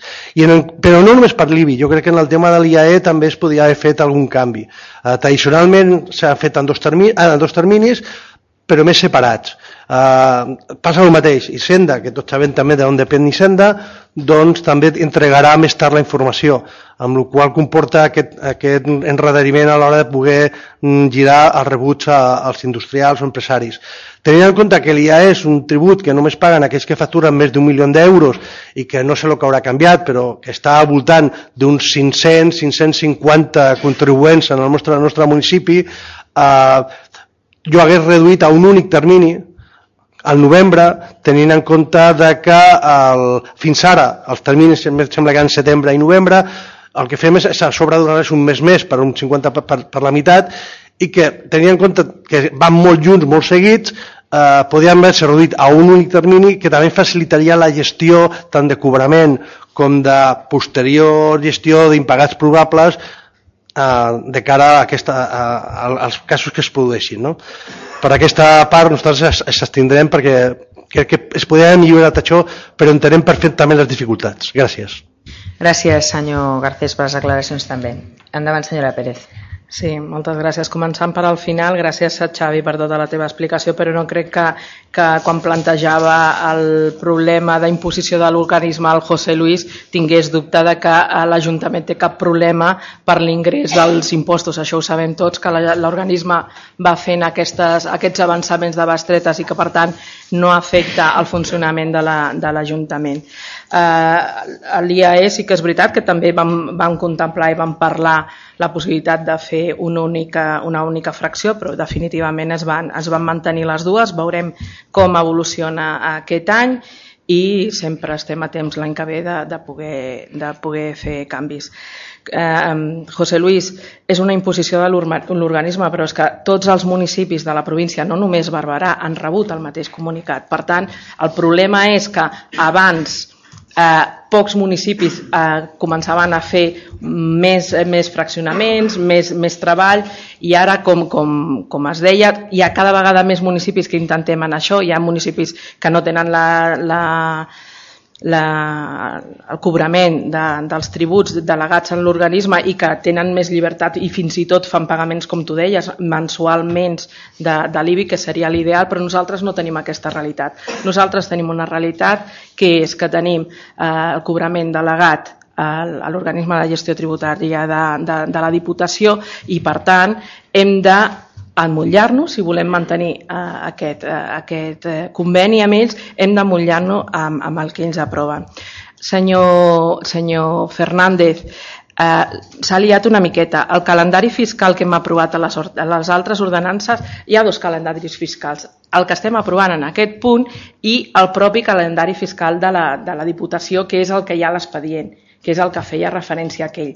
En relació al, al, al calendari d'ordenances fiscals que tramet la Diputació de Barcelona a tots els municipis de la província, doncs nosaltres prenem les mesures que considerem més, més adequades perquè l'impacte a la nostra ciutadania sigui el menor. I a través de demanar que, que, que com a mínim arribi la, la informació a totes les cases d'aquesta petició, a més a més s'ha escoltat i també es farà arribar a tots els municipis de la província que, es, que, que, que, que tothom tingui la informació d'aquests canvis que, com tots hem dit, no ens agraden, però eh, no posem nosaltres les, les normes en, en aquest lloc i que ens deixava molt, molt poquet eh, mar, mar de, de maniobra. Per tant, em sembla que totes les qüestions han quedat aclarides. Moltes gràcies per les intervencions. Gràcies, senyora Pérez. Procedim a... Una aclaració. Endavant, senyor Díaz. És per dirigir-me estrictament als representants del Partit Popular. De fet, això es va comentar a la comissió informativa, la companya Carmina ho ha esmentat, vull dir, i em dirigeixo a ells dos també per complementar també el, el que ha portat el company David, vull dir, està molt clar que el Partit Popular des, de, des del seu govern, bueno, ara ja sembla que més clar, no?, amb el suport del PSOE, eh, diguéssim que té molt clar que a Catalunya i altres llocs de l'Estat doncs, hi ha hagut canvis en els governs municipals i que hi ha governs municipals com el que hi ha a Barberà amb la plataforma, amb Esquerra Republicana i en Junts per Barberà. Té molt clar que està passant en molts municipis que tenen doncs això, posar facilitats en els pagaments a les famílies, a les persones i que era un tema que sí que volia remarcar perquè bueno, ja ho ha esmentat més o més la Carmina però deixar clar i dirigir-me directament als representants del Partit Popular perquè a vegades també sembla que els hi haguem d'aclarir les coses. Señor Fernández, si quiere intervenir, pida la palabra, por favor. Molt bé, procedim a votació. Vots en contra? Dos de Recuperem Barberà. Abstencions? Dos del Partit Popular i sis del Partit dels Socialistes de Catalunya. Vots a favor? Dos d'Esquerra Republicana, quatre de Junts per Barberà i quatre de la Plataforma Ciutadana per Barberà. I passaríem al punt següent que parla de la celebració del ple, és el punt 4, i el punt 4.1 és la proposta de trasllat del dia de la celebració de plens ordinaris tant del mes de novembre com del mes de eh, desembre d'enguany.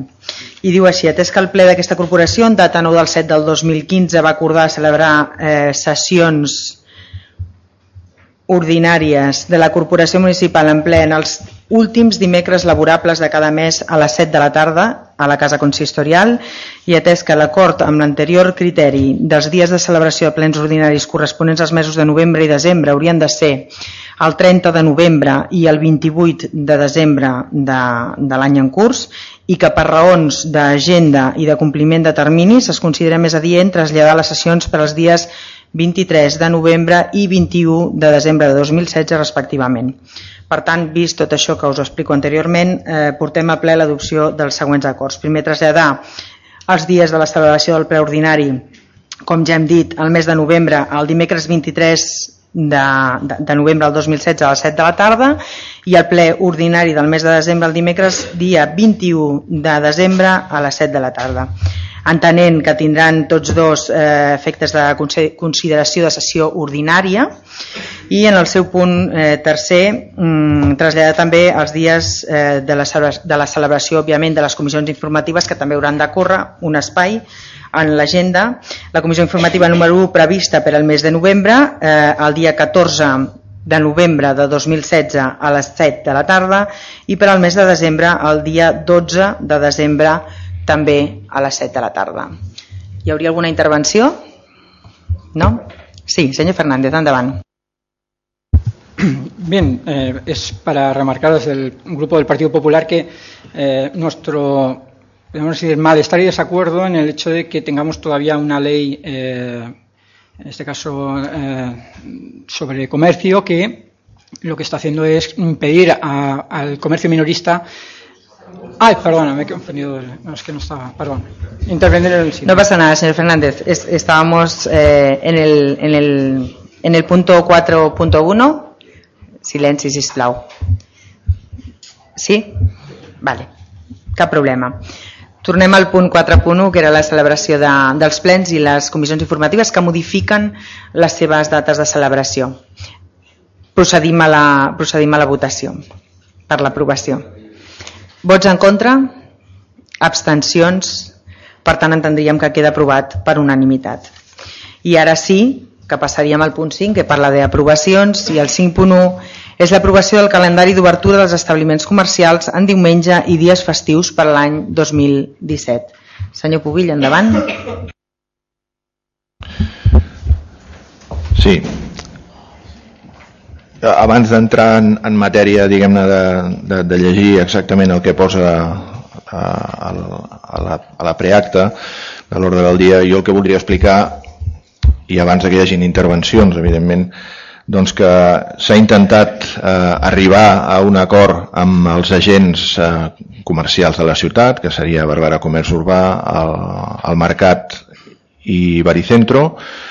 No ha estat possible i al final, donat que la data màxima, la data límit per, a, per comunicar els dies festius és el 31 d'aquest mes, doncs al final hem hagut de prendre aquesta decisió que passo a explicar eh, tal com posa l'ordre del dia. Atès que el Departament de la Presidència de la Generalitat de Catalunya va aprovar la Llei 3 barra 2014 de 19 de febrer d'horaris comercials i de mesures per a determinades activitats de promoció. Atès que aquesta norma, a l'article 1.2, apartat C, estableix que el nombre de diumenges i festius en què poden romandre oberts els establiments comercials és de 8 a l'any. Cada Ajuntament ha de fixar dos festius més pel seu àmbit territorial municipal que s'han de comunicar d'acord amb el que estableixi una ordre del Departament competent en matèria de comerç. Atès eh, el que diu l'ordre EMO barra 156 barra 2015 del 22 de maig per la qual s'estableix el calendari d'obertura dels establiments comercials en diumenge i dies festius pels anys 2016 i 2017 en concret pel 2017 es preveuen les dates següents. El 8 de gener, el 2 de juliol, l'1 de novembre i del mes de desembre el dia 6, 8, 10, 17 i 24 tal com diu eh, l'esmentada ordre, en els seus articles 5 i 6, els ajuntaments han de comunicar a la Direcció General de Comerç abans del dia 31 d'octubre del 2016 els dos dies festius addicionals d'obertura comercial autoritzada aplicables al seu àmbit territorial municipal. En el supòsit que no es presenti cap proposta, s'entendran com a dates escollides i aplicables als seus àmbits territorials respectius el dia 12 d'octubre i el dia 3 de desembre en el cas de l'any 2017 Atès que no s'ha assolit un consens amb els agents de la ciutat, l'Associació de Comerciants de Barberà del Vallès, l'Associació de Paradistes del Mercat Municipal 11 de setembre i el Centre Comercial Baricentro, ja que s'han proposat dates alternatives als dies festius de la proposta de la Generalitat de Catalunya, però sense acord unànime dels tres estaments implicats. És per això que a proposta de la Regidoria de Desenvolupament Econòmic, Comerç i Ocupació es proposa l'adopció del següent acord. Primer, fixar els dies 12 d'octubre i el 3 de desembre com a dies festius addicionals en què poden romandre oberts els, els establiments comercials a l'àmbit local de Barberà del Vallès durant l'any 2017, atenent a la proposta formulada per la Generalitat de Catalunya. Segon, comunicar el present acord a la Direcció General de Comerç de la Generalitat de Catalunya i als agents econòmics del municipi, l'Associació de Comerciants de Barberà del Vallès, l'Associació de Paradistes del Mercat Municipal 11 de setembre i el Centre Comercial Baricentro. I tercer, una vegada informada degudament la Direcció General de Comerç, aquest Ajuntament haurà de fer-ho públic adequadament per tal de que els establiments comercials situats al seu terme municipal en prenguin coneixement. Gràcies. Gràcies, senyor Pubill. Hi hauria alguna intervenció? Senyor Rivera, endavant. Gràcies. Aviam, el nostre posicionament en aquest cas no té a veure amb el contingut, sinó amb la forma. Ens abstindrem perquè entenem que això es podria haver resolt amb un donar compte, perquè quedés clar que des de l'equip de govern s'ha fet la feina. Entenem que no cal aprovar una cosa que al final no té cap efecte i tal i com vam parlar a la comissió informativa, si no es comunica res a la Generalitat ja són aquests dies. Per tant, entenem que es podria fer.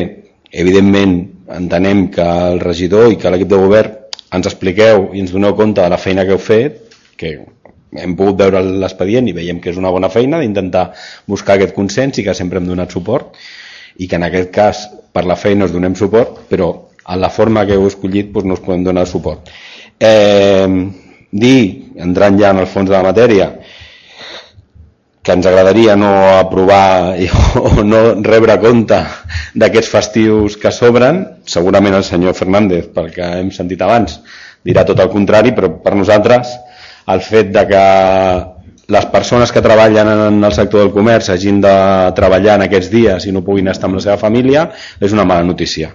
Per tant, tot i que no ens agrada això, entenem que s'ha d'aprovar perquè és una cosa que, que diu la llei i, el que no ens agradaria, i esperem que en aquest nou govern que sembla que ens tocarà una altra vegada el senyor Rajoy no ens caigui, serà una liberalització total del, del comerç com passa en altres comunitats i que és un desastre des del punt de vista social i des del punt de vista laboral. Per tant, aquest és el nostre posicionament. Gràcies. Gracias, señor Rivera. Señor Fernández, ¿dónde va? Gracias. Y ahora sí, precisamente me habías traído leyendo el, el contenido de este punto. Eh, decía que, bueno, la posición de mi grupo para, para, salir de dudas rápido es que también nos vamos a abstener por el motivo que ha dicho precisamente el anterior portavoz, es decir, no añadimos nada, nada nuevo a, a, a la propuesta de la Generalitat, por lo tanto no tiene mucho sentido aprobar un acuerdo. Uh, hay mayor seguridad, podríamos decir, porque y, mm, bueno, aprobamos esto y queda claro cuáles son los, los días locales designados. Antes quería decir, y lo digo ahora, y es que mm, recordemos que tenemos una ley de, de, horarios comerciales en Cataluña que es eh, restrictiva y que penaliza precisamente al pequeño comercio y a, y a, los establecimientos pequeños, porque mientras que en el resto de España pues eh, pueden abrir los festivos eh, que quieran, pues aquellos que tengan eh, una superficie de hasta 300 metros, aquí en Cataluña solo son hasta, me parece, 150 metros. Entonces, bueno, esta ley está recurrida en el Tribunal Constitucional, veremos cuándo se pronuncia eh, y, y, yo espero que eh, en algún momento, pues bueno, tengamos las mismas libertades que existen en el resto de España. Gracias. Gracias, señor Fernández. Senyor Bubill. Ah, és veritat, sí, perdó. Doncs senyor Clara, endavant. Bueno, no, no, com veig que entrem amb el, amb el debat del tema dels lliures horaris doncs, al comerç, dic que estem a, a, precisament a les antípodes del que comentaven des del Partit Popular. Aquí no es tracta al final de regular perquè els petits comerços puguin obrir i intentar competir doncs, amb les grans superfícies, sinó al contrari, que les grans superfícies limitar l'horari comercial de les grans superfícies per millorar les condicions laborals dels seus treballadors i treballadores. Hauríem de començar a mesurar les coses d'una altra manera fora del marge de benefici econòmic, eh? parlant de benefici social, parlant de conciliació familiar. Em sorprèn també que el Partit Popular, que tant parla de família i família i família amb un model molt concret, després doncs, no aposti amb, amb, amb propostes polítiques realment la conciliació familiar, perquè per les persones que hem treballat al comerç i que sabem el que és treballar a grans superfícies, el que, el que hem demanat sempre i el que demanem sempre des de, des de les accions sindicals i des de la lluita de treballadors i treballadores és precisament que hi hagi una regulació contrària al que estava dient vostè, una regulació que millori les condicions de vida de treballadors i treballadores, que passem, par, parlem de vida de persones i no de volum de negoci, que és com ho mesuren tot sempre des del Partit Popular. A banda d'això, doncs, aclarir que, que votarem, votarem a favor. Gràcies, senyor Clara. Senyora Pérez, endavant. Sí, si comencem per la, la intenció de vot, evidentment serà a favor. Eh, em, em sobta, José Luis, que, que, que qüestionis eh, la, la possibilitat de donar un, com, un, donar compte, que és possible, eh? però penso que justament el debat que estem encetant aquí també és política de ciutat. I parlar i tenir aquesta, aquest espai com si no haguéssim portat el punt a l'ordre del dia i no haguéssim tingut debat. Eh, és difícil poder satisfer quan fem coses i us donem compte no us agraden, quan obrim debats tampoc ens agrada, és complicat. Jo penso que el debat que s'està generant aquí és, és un altre i aquest any, justament perquè no hi ha hagut consens amb, amb, amb, amb els comerciants de la ciutat, tenim aquest debat sobre la taula, perquè sempre havíem respectat doncs, això, que si ells arriben consens, nosaltres no ens hi posaven, i no posàvem aquest to de qualitat de, de política, no? que, que és la nostra obligació quan estem aquí. I justament ha sigut la porta a que puguem fer aquesta altra valoració de dir no, senyors comerciants, no hi ha consens, doncs llavors no podem ara tornar a plantejar un dia com el 31 de desembre que perquè pugui obrir el baricentro o el mercat es creen unes situacions de conciliació, ja no només de conciliació de vida familiar i laboral, sinó una situació esperpèntica per les treballadores i treballadors d'aquests espais, d'aquests comerços i com molt bé li ha comentat al, al company David, eh, senyor Fernández, és que la idea justament és el contrari, no és que puguin obrir els petits, és justament això de que els grans estiguin encara més acotats perquè al cap i a la fi qui decideix els horaris i tot això són els gestors i, la, i, els, i els caps d'aquests comerços i a vegades els, els treballadors i les treballadores no es tenen en compte. Només volia dir això. Gràcies, senyora Pérez. Senyor Baez, endavant. Sí, hola, bona nit per anunciar el, la intenció de vot, que serà extensió, sense, sense passar per el que deia el José Luis i el que ara deia la, la Carmina. Eh, és indiferent si, si ha de passar per aquí, si és un donar compte, o si el debat el tenim o no el tenim fora o dins. Ja entenem que si la Generalitat té aprovada aquestes mateixes dates que aprovem avui aquí, no calia fer-lo, però també està bé no, que en parlem del tema, però nosaltres bàsicament l'extinció vindrà, vindrà per lo que ha dit el regidor i, i per lo que consta a la proposta de resolució, que és la, la falta de consens entre els agents comerciants de la ciutat, és a dir, entre l'Associació de Comerciants de Barberà, l'Associació de Paradistes del Mercat Municipal, 11 de setembre, i el centre comercial Baricentro. Vull dir, això és el que ens preocupa, que no s'hagin posat d'acord i que no sabem ben bé per què, si per la conciliació familiar, si perquè el dia 31 han de plegar o, o, o solen plegar abans perquè és el dia de cap d'any i pleguen a les 8 i no els ha interessat i els ha interessat més el 12 d'octubre que poden estar fins a les 10 perquè no sabem per què i perquè no sabem i perquè no s'han posat d'acord per això és perquè, el, perquè nosaltres ens estindrem eh, però ja dic, però tenint en compte amb l'aportació teva com la de la Carmina en quant a, a que jo crec que tots estem d'acord que no calia passar-lo pel ple però que no està malament el debat que pot originar en un moment donat. Gràcies. Gràcies, senyor Baez. Entenc que no hi ha cap més puntualització. Sí? Senyor Pubilla, ara sí. Ara ja li toca. Endavant. Eh, explicar doncs, que el que comentava el senyor Baez, el, diguéssim, el, el, les discussions o el, el debat que hi ha hagut entre, entre els agents eh, implicats, com dèiem abans, a Baricentro, al Mercat i Barberà Comerç Urbà, ha sigut eh, per la data del 12 d'octubre o el 31 de desembre, en el 3 de desembre tothom hi estava d'acord, i el que no ens acabàvem de posar d'acord era si era millor el dia 31 o el dia 12 en això nosaltres, com a equip de govern, eh, hem intentat, diguéssim, no influir en absolut, sinó que es posin d'acord aquests agents, eh, perquè entenem que són justament els agents comercials i, per tant, se'ls ha d'escoltar en les seves aportacions i en les seves valoracions, però com bé hem dit, al final han anat passant els dies, no ens hem posat d'acord, o no s'han posat d'acord, millor dit, i havíem de prendre una decisió i aquesta decisió és, és la que fem palès avui. Uh, no, no podem estar esperant diguem-ne fins al dia 31 uh, per, uh, per prendre aquesta decisió. No? I simplement també, bueno, ja, ja ho han dit tots els companys, jo crec que ha quedat, ha quedat força clar que el model que, que ens agrada a nosaltres doncs no, no té res a veure amb el que ens venen imposat per, a, per les lleis que tenim en el tema de comerç i que jo sincerament, donada la, les intervencions d'avui, m'ha sobtat, i, i ho celebro, que el Partit Popular no ens hagi dit eh, que havíem imposat també el dia 12 d'octubre com a festa. Eh, en qualsevol cas, eh, jo crec que, que és important eh, explicar això, de que ha sigut una decisió per la qual eh, hem estat esperant fins a últim moment si els agents eh, doncs, posaven d'acord, no ho hem aconseguit i es, esperem doncs, que pels propers eh, anys doncs, eh, sigui diferent. Gràcies. Gràcies, senyor Pubill. Procedim a votació. Vots en contra? Abstencions? Dos de Recuperem Barberà, dos del Partit Popular i sis del Partit dels Socialistes de Catalunya. Eh, vots a favor? Dos d'Esquerra Republicana, quatre de Junts per Barberà i quatre de la Plataforma Ciutadana per Barberà.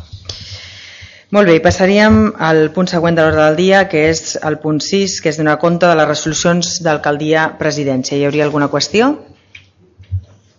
Entenem que no.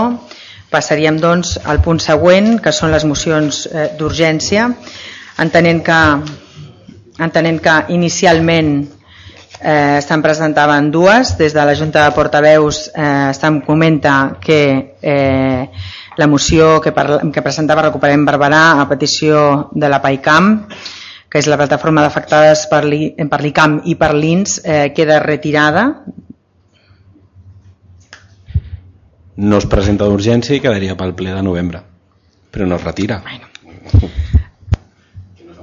Bueno, es retiraria com a una urgència pel ple ordinari d'avui digui-li com vulgui però l'efectes és que es retira del ple eh, del punt de les mocions d'urgència del dia d'avui i que es debatrà conjuntament a, a portaveus i la següent eh, moció d'urgència els llegeixo com sempre el títol de la moció per poder definir-nos en el vot de la urgència. La següent moció és la moció contra el quart cinturó i per una mobilitat sostenible entre el Vallès Occidental i el Vallès Oriental. Aquest és el títol. Primer votaríem la urgència. Vots en contra?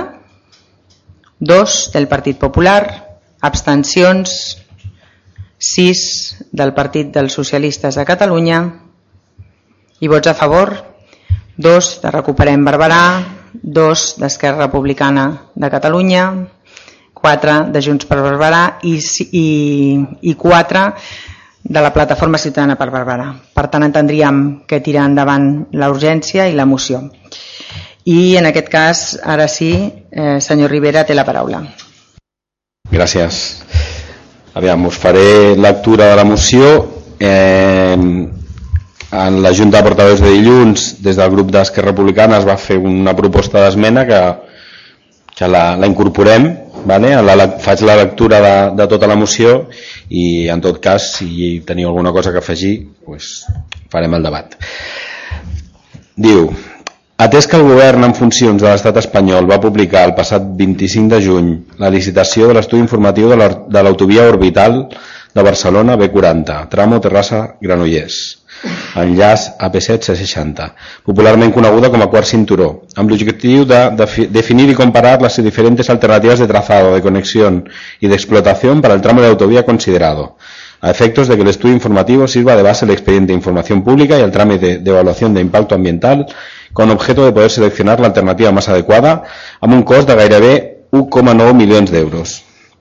Atès que l'estudi informatiu que es licita comprèn únicament territori de Catalunya i que malgrat connectar vies de caràcter interregional i de competència estatal compleix funcions intercomarcals de mobilitat a la regió metropolitana de Barcelona.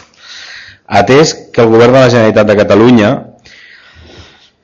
ha reclamat públicament mitjançant comunicat de premsa del Departament de Territori i Sostenibilitat de data 28 de juny que sigui Catalunya qui defineixi les mesures necessàries per resoldre la mobilitat entre el Vallès Occidental i el Vallès Oriental.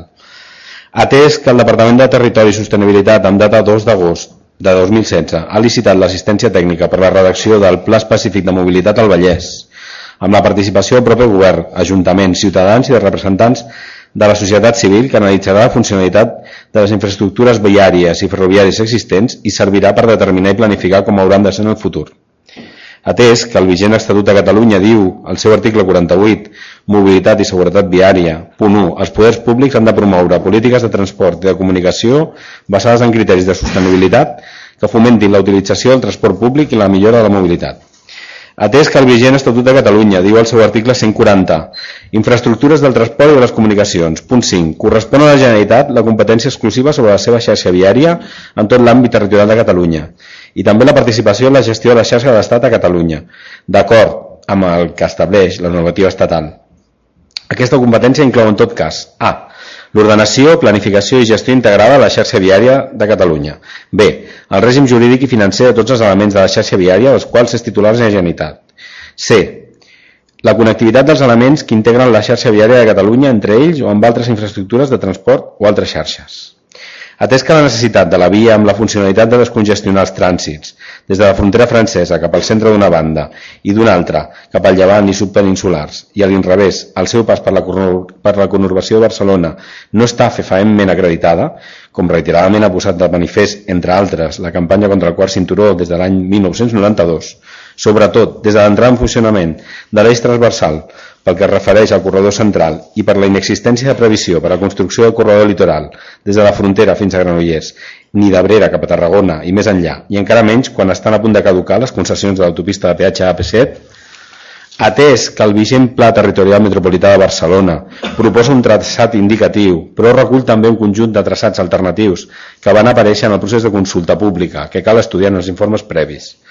Atesa la necessitat que es resolguin els problemes de mobilitat al nostre municipi i en general al Vallès, en benefici de la mobilitat de persones i mercaderies amb origen i destí, majoritàriament a la mateixa comarca o les comarques veïnes, per tots aquests motius, el grup de Recuperem Barberà, l'Ajuntament de Barberà del Vallès, proposava l'adopció dels següents acords. Primer, instar el govern de l'estat espanyol a anul·lar la licitació de la redacció de l'estudi informatiu de la B40 tram Terrassa-Granollers. Segon, instar el govern de la Generalitat de Catalunya a fer les oportunes accions polítiques i jurídiques per aturar la licitació de l'estudi informatiu de l'autovia orbital de Barcelona B40, tram Terrassa-Granollers. Enllaç AP7-C60. Instar el govern de la Generalitat de Catalunya a reclamar a l'estat espanyol la competència plena així com els recursos per executar-la, sobre qualsevol nova infraestructura de mobilitat al Vallès, com es desprèn del vigent Estatut de Catalunya. Quart, instar el Departament de Territori i Sostenibilitat de la Generalitat de Catalunya a comptar amb l'Ajuntament de Barberà del Vallès i a convidar la campanya contra el quart cinturó en el procés de redacció del Pla Específic de Mobilitat al Vallès. Cinquè, convidar el Parlament de Catalunya, la Diputació de Barcelona, els Consells Comarcals del Vallès Occidental i Oriental i tots els seus municipis a donar suport a aquests acords. Sisè, comunicar aquest acord al Ministeri de Fomento, al Departament de Territori i Sostenibilitat, al Parlament de Catalunya, a la Diputació de Barcelona, als Consells Comarcals del Vallès Oriental i Occidental, a tots els municipis ballesans i a la campanya contra el quart cinturó. Eh, només comentar que aquesta moció és a proposta de la campanya contra el quart cinturó, per tant, l'única modificació que hem fet és aquesta proposta que ens feia el grup d'Esquerra Republicana, però la idea seria mantenir el text que proposa des de la campanya. Gràcies. Gràcies, senyor Rivera. Intervencions. Senyor Domènech, endavant. Buenas noches a todos. Eh, bien, por el término municipal de nuestro municipio, ¿no? Eh, pasan distintas vías de titularidad supramunicipal. Bien puede ser la Nacional 150, que en origen era eh, nacional, ¿no? como su nombre indica, y ahora fue trasladada esta titularidad. Tenemos la B30 o la P7 de titularidad del Estado, o la B140 y la B141. ¿no? Sin embargo, Recuperen Bárbara nos trae una moción que nos habla de una vía eh, que se encuentra a unos 20 eh, o 30 kilómetros de nuestro municipio. En fin, eh, una vía que además ya se encuentra, hay tramos ya construidos, hay otros tramos que están en obras y resulta que ahora, por lo visto, tendremos que dejarla a medias, no, no lo comprendo muy bien. En fin, por todas estas cuestiones, simplemente el Partido Popular votará en contra. Gracias. Gràcies, senyor Domènech. Senyor Pubill, endavant. Des d'Esquerra volem agrair la campanya contra el quart cinturó perquè sense aquesta feina feta des de fa molts anys ara mateix tindríem amb tota seguretat una via d'alta capacitat paral·lela a la P7 amb un trànsit de vehicles pesats que res tindria a veure amb, la, amb el que volem com a mobilitat del Vallès, no? sinó un trànsit de mercaderies gratuït que buscaria evitar bàsicament el pagament de la P7 i per, eh, a part de tota la contaminació ambiental que això suposaria encara que estiguem a no sé quants quilòmetres. Volem deixar clar que sempre hem estat presents en les, en les reivindicacions històriques eh, en contra d'aquesta infraestructura i que així ho continuarem fent, perquè creiem i defensem eh, en la millora de la mobilitat eh, fonamentat en un desenvolupament territorial sostenible tant a nivell econòmic com social i ambiental. Esquerra eh, manté la seva oposició a la construcció d'aquesta infraestructura perquè respon a un model esgotat de desenvolupament territorial que no respon a les necessitats eh, reals de mobilitat que té la comarca. quedi molt clar que estem a favor de les infraestructures necessàries que millorin la mobilitat interna al Vallès, però volem que aquestes tinguin les dimensions adequades i que per tant es fonamentin en la millora de les que ja tenim.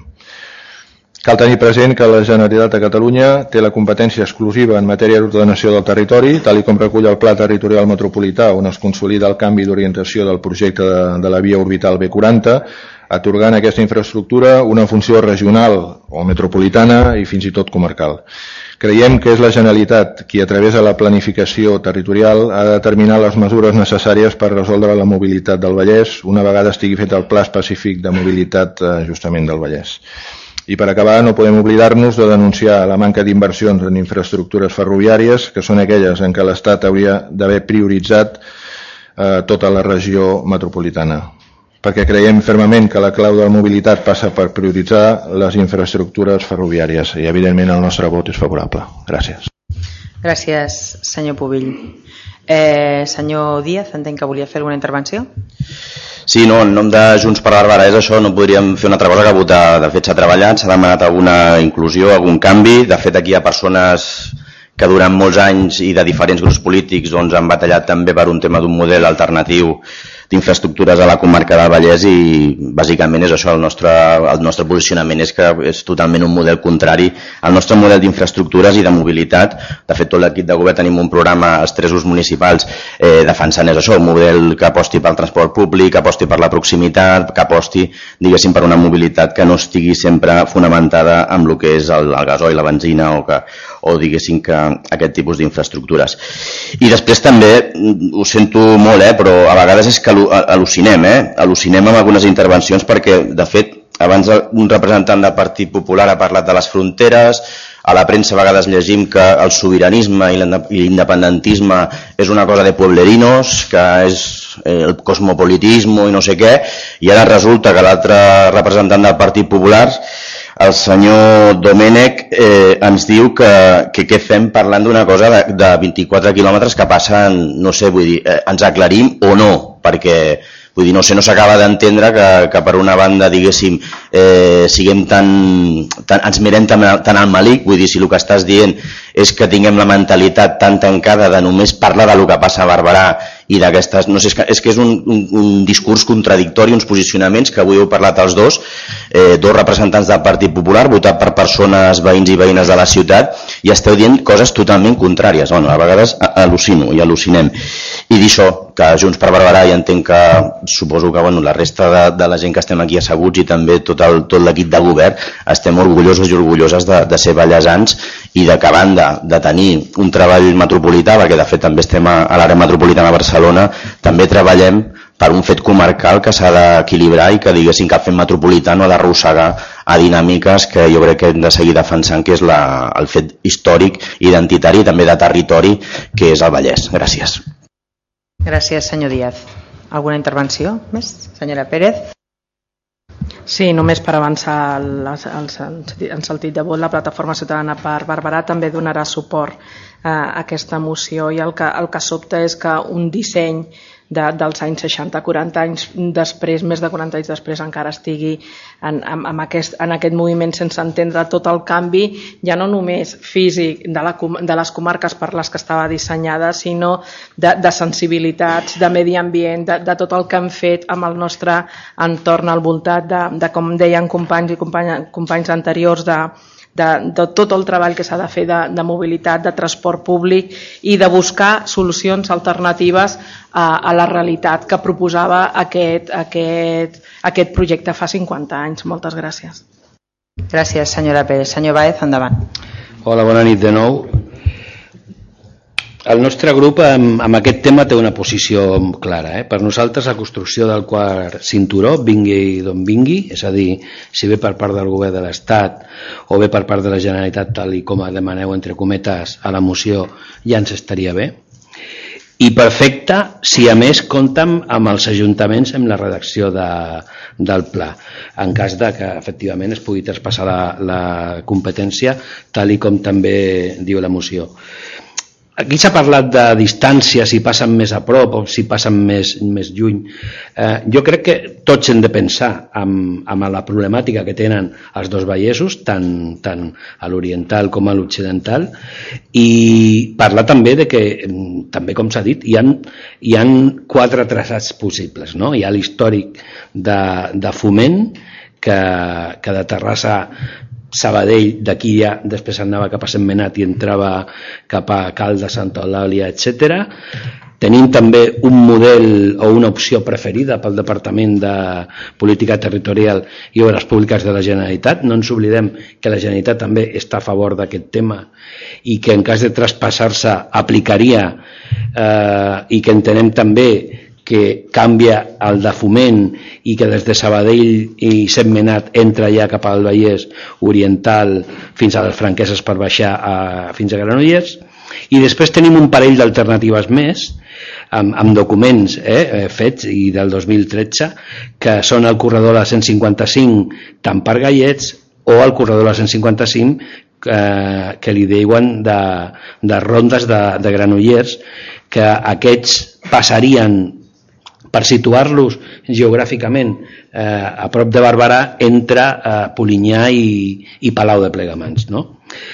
Eh, a més de que a l'estudi informatiu aquest que, que deia del 2013 eh, que es va sometre a informació pública, es van acordar unes millores a la solució de l'estudi informatiu acordat per l'Ajuntament de Terrassa, Sabadell i la pròpia Generalitat de cara a reduir l'impacte ecològic i que eren les següents. O sigui, el que es va incorporar és que el traçat havia d'estar ajustat a l'entorn natural per evitar impactes paisatgístics i afectacions a la vegetació de ribera, minimitzant les afectacions de l'espai agroforestal, que la construcció d'ecoductes i passos de torrents que, que facilitin el manteniment de la connectivitat i ecològica del Parc de la Fauna, és a dir, que, mm, que incorporarien la construcció d'aquests passos de torrents, eh?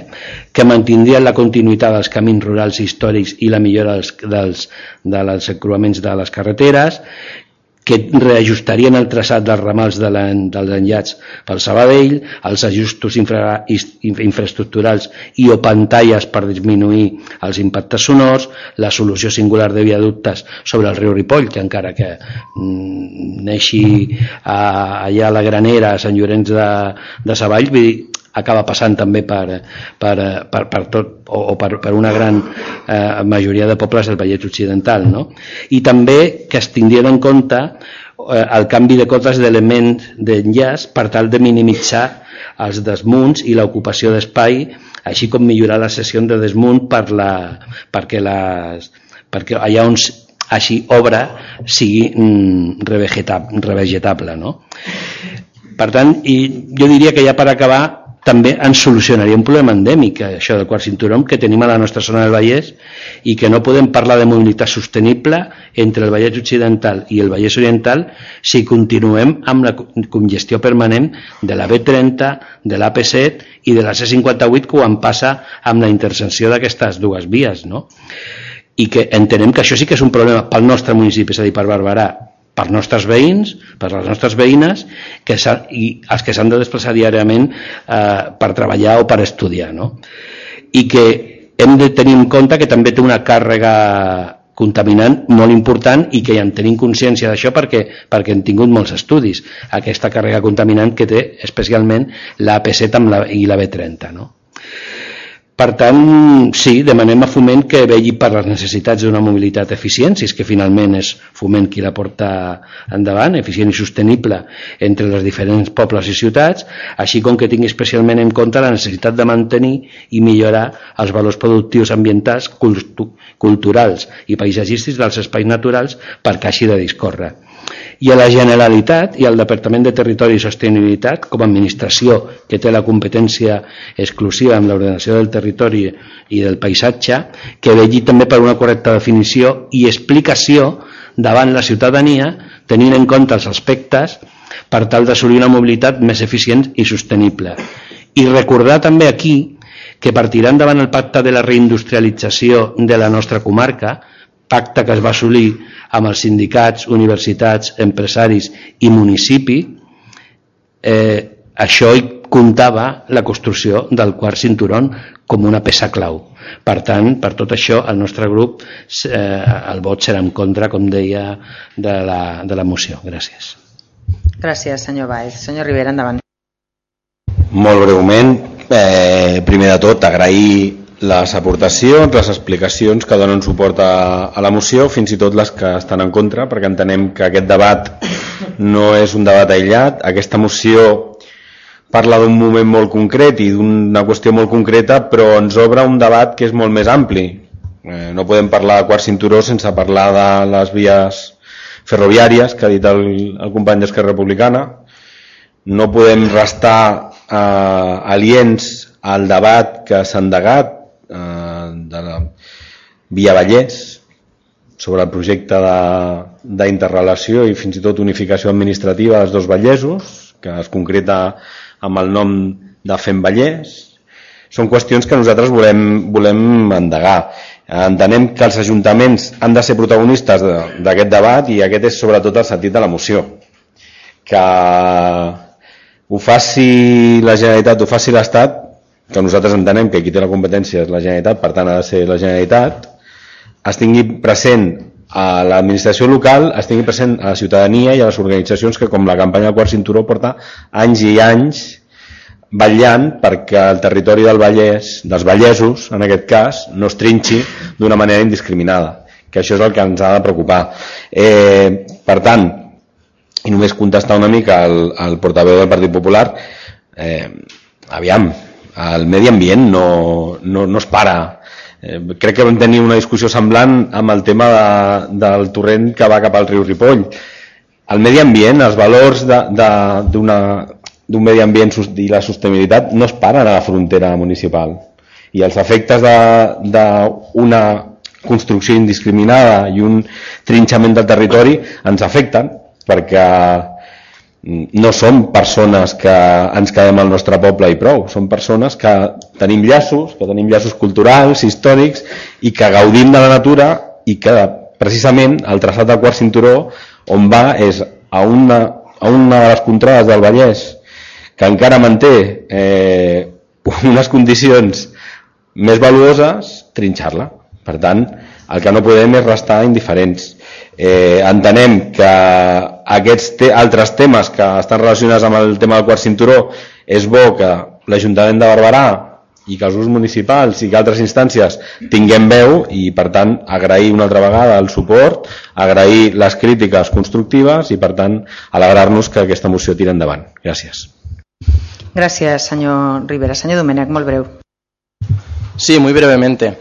Eh, Evidentemente, hacer el debate sobre este tema o sobre cualquier otra cuestión, estupendamente. la cuestión de la que yo me quejo, o desde la que el Partido Popular de Barbará nos quejamos en esta o en alguna otra moción que se ha podido presentar, es que eh, entendemos que nosotros estamos aquí en esta sala del Pleno en representación de los ciudadanos de Barbará del Vallés y, por lo tanto, creemos que tendríamos que optimizar este tiempo del que disponemos para eh, tratar cuestiones en las que este ayuntamiento tiene eh, realmente competencias. Sinceramente, lamento, lamento profundamente que eh, encontrarme en, este, en esta sala de plenos con concejales que sufren el, el síndrome ¿no? del, del diputado frustrado. Gracias. Gràcies, senyor Domènech. Eh, per al·lusions... No, no és per al·lusions, no és per al·lusions, jo no em dono per al·ludit, això que diu el senyor Domènech, ell sabrà per qui ho diu. Eh, a veure, a la campanya del quart cinturó hi ha molts barbarencs i barbarenques que hi han participat. Bé, ja ho ha recordat un altre, un altre company aquí. Per tant, aquesta, aquesta qüestió preocupa a persones de Barberà. I per tant, com que estem aquí representant la ciutadania de Barberà, hem de parlar d'aquests temes. Si vostè només vol parlar dels temes que vostè consideri que s'ha de parlar, doncs faci-ho, però nosaltres tenim la llibertat i per això estem aquí, per intentar representar doncs, aquest, aquestes aspiracions i aquestes eh, neguits dels ciutadans i ciutadanes de la nostra ciutat. Gràcies. Gràcies, senyor Rivera. Una última intervenció. Senyor Díaz, endavant. No, de fet, el senyor Domènech és, diria que és conseller, és conseller comarcal, no?, del Consell Comarcal de Vallès Occidental, vull dir, no sé, eh, eh, siguem, bueno, és igual. Eh, però sí que un element que, que ha sortit, que l'ha esmentat al company Rivera, diguéssim, s'ha parlat del tema del torrent, no? que va sortir un tema aquí, que, que diguéssim que la intervenció del senyor Domènec Bana, o Domènec, o no, eh, Domènec, el senyor Domènech, perdona, eh, va anar una mica per aquesta orientació. Jo ho explico també perquè la gent que ens estigui escoltant eh, eh, també entengui, perquè allà quan es deia, home, doncs, doncs sí, perquè quan parlem de medi ambient, mobilitat, vull dir, són temes que, que no es poden, no sé, vull dir, ja, ja no és un tema de llegir diaris ni, ni, ni de llegir llibres, vull dir, és un tema que és impossible que el puguem gestionar o ordenar, de fet, no sé, l'altre dia a la nit de l'empresa es va esmentar que el 10% de la, de la població laboral eh, resident a Barberà és la que treballa allà. Vull dir, aquí tenim un problema quan quasi el 90% de la població o de, o de la gent que va treballar als polígons, un problema en el sentit de la mobilitat, perquè estan obligats a, a fer servir un tipus de transport, perquè no tenim transport públic per als polígons, que diguessin que això, no, no, no, la gent no genera els problemes, vull dir, el que genera un problema, ja s'ha esmentat també 50 anys de models eh, totalment antiquats, que, que el que fan és que això, que, que, que haguem de fer grans distàncies, que això després també ens impedeix fer una vida familiar o d'amics o de carrer, doncs que eh, ben, ben feta. Però torno a insistir, quan i, i parlava del tema del torrent, perquè de fet ens estem trobant uns problemes de dir, allà mateix hi ha un, un sobreeixidor o diguéssim que quan allà està el, si ho ve saber, l'ecoparc i diguéssim que allà mmm, no diré contínuament però sí que hi ha diferents episodis en el qual allà es fan uns abocaments que sobreseeixen i que allò acaba anant al torrent aquest que vam estar aprovant una moció diguéssim, i aquí Barberà el sobreeixidor, que, bueno, diguéssim que aquests, aquests eh, abocaments doncs són abocaments que es fan a Barberà que acaben anant cap al torrent que està sigui al municipi de, de Ripollet i que això acaba anant, bueno, diguéssim, tinguem una mentalitat més oberta i que, i que és això, bueno, jo entenc que, bueno, que cadascú és veritat, que al final les posicions, si són constructives, doncs, bueno, valorem, les valorem totes perquè al final cadascú que digui el que vulgui, però sí que és veritat que, que val la pena que jo crec que fem intervencions també per explicar i matisar i que la població també entengui a vegades doncs, perquè ens posicionem d'aquestes maneres bueno, i a vegades perquè també s'agafa les paraules. Gràcies. Gràcies. Eh, procedim a votació. Vots en contra? 2 del Partit Popular i 6 del Partit dels Socialistes de Catalunya. Abstencions, vots a favor, 2 de Recuperem Barberà, 2 d'Esquerra Republicana de Catalunya, 4 de Junts per Barberà. I 4 de la Plataforma Ciutadana per Barberà. I feta la votació i a, i a títol informatiu i per fer-vos extensiu, si em permeteu, ja que parlem de temes en definitiva de mobilitat, eh, no només el quart cinturó, sinó que eh, fa uns dies el conseller Rull de Territori i Sostenibilitat convocava a tots els alcaldes, alcaldesses d'arreu de Catalunya, eh, també a altres eh, institucions, eh, presidents de les diferents diputacions, eh, diferents autoritats, eh, representants, també eh, diferents plataformes eh, de ciutadans que, que, que en defensa.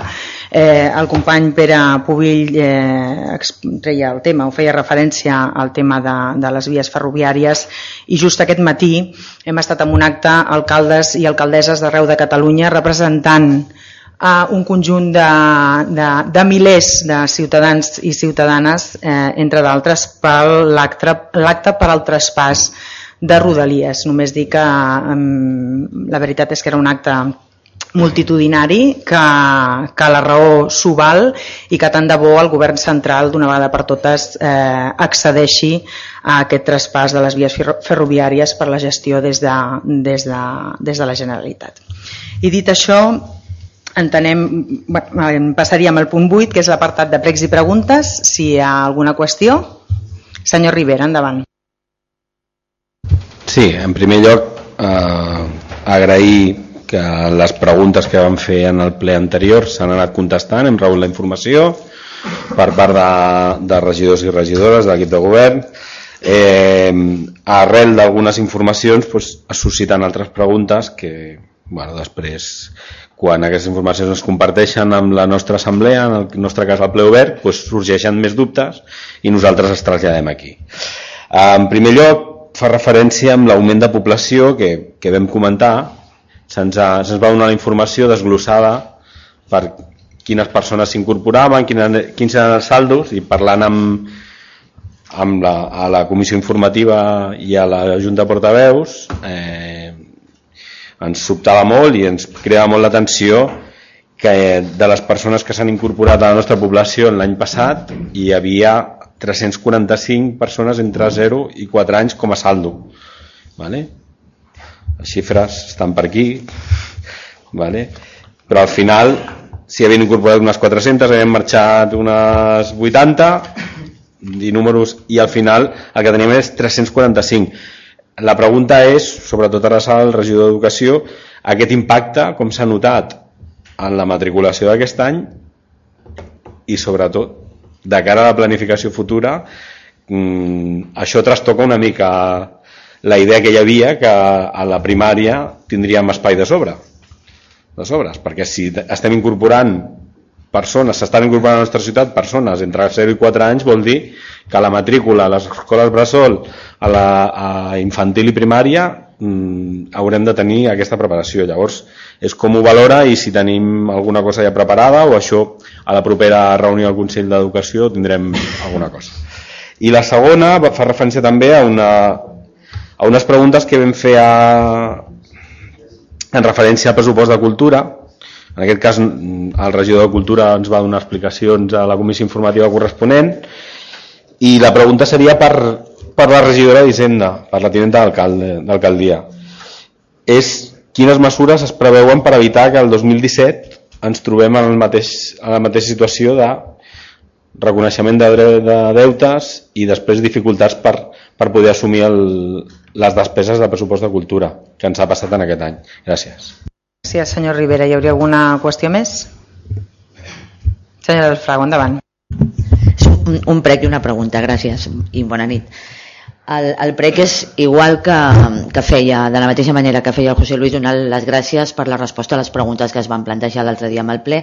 Amb el meu cas concret eren respecte a l'aeroport i eh, el que voldria traslladar a, a l'alcaldessa és que ens queda pendent els aterratges que es van produir nocturns durant el mes de, de setembre i sabadors també de que hi ha diverses reunions i en marxa i la proposta de la comissió de seguiment que des del grup de govern i des de l'alcaldia es, va, es va sol·licitar sí que, vull, sí que volíem traslladar segurs de que ja incorporaran tot el previst la preocupació respecte a si l'aeroport de Sabadell es considera encara per banda del govern d'Espanya si és d'interès general o no o és un equipament, una infraestructura transferible igual que les rodalies perquè el tractament aleshores és diferenciat. Els problemes de l'impacte acústic si pel proper pressupost hi ha un pla d'inversions eh, de manteniment i de desenvolupament de l'aeroport, si té a veure amb les mesures de, de seguretat o no, si les afectacions amb el planejament urbanístic que afecten no només a Barberà sinó a més municipis continuaran amb la, amb la mateixa demora de temps. En definitiva, totes aquelles qüestions que diferents eh, veïns ens han fet arribar. I aquest és un prec per incorporar a, a la llista que segurament des de l'alcaldia ja té prevista. I l'altra és una pregunta i té a veure amb l'anunci que el conseller Comín ens va fer fa un parell de dies respecte a l'Hospital General de, de Catalunya.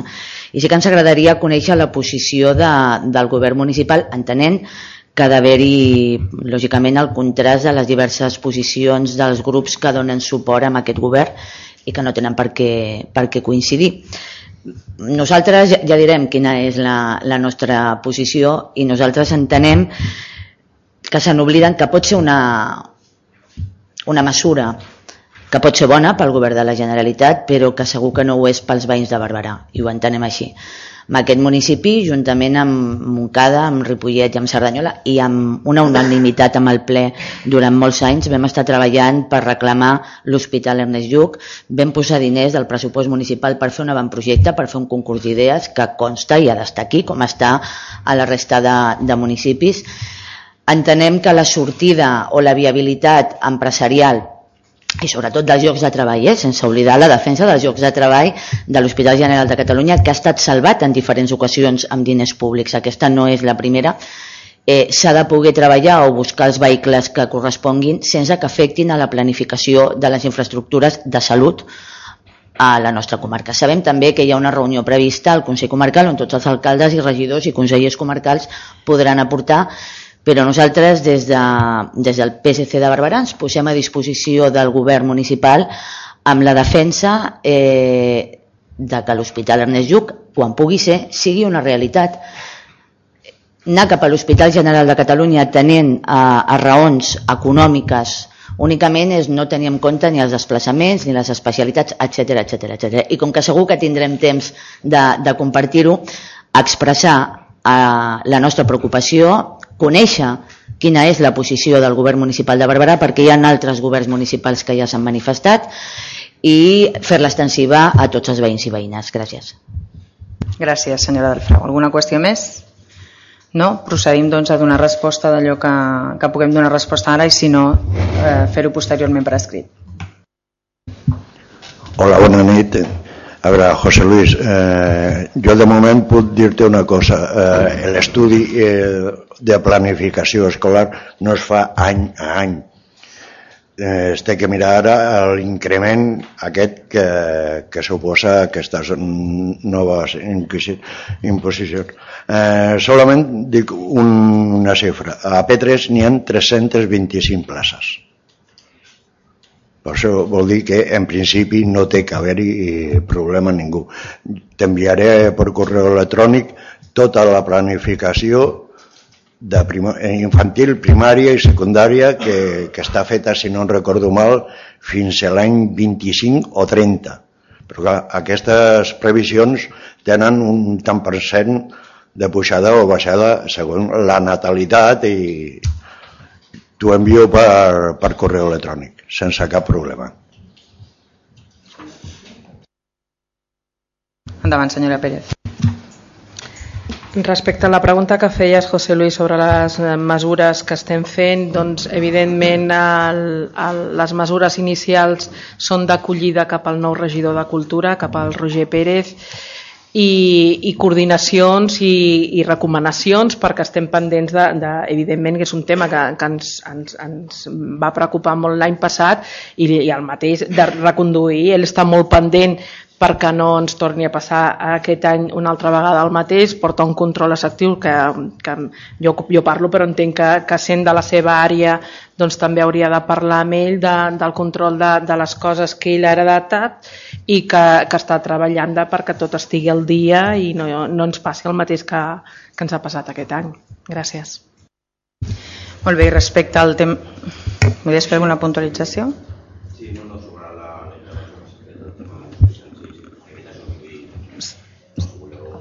Sí, però mm, Roger, vols fer alguna puntualització? Endavant, senyor Pérez. Eh, bona nit.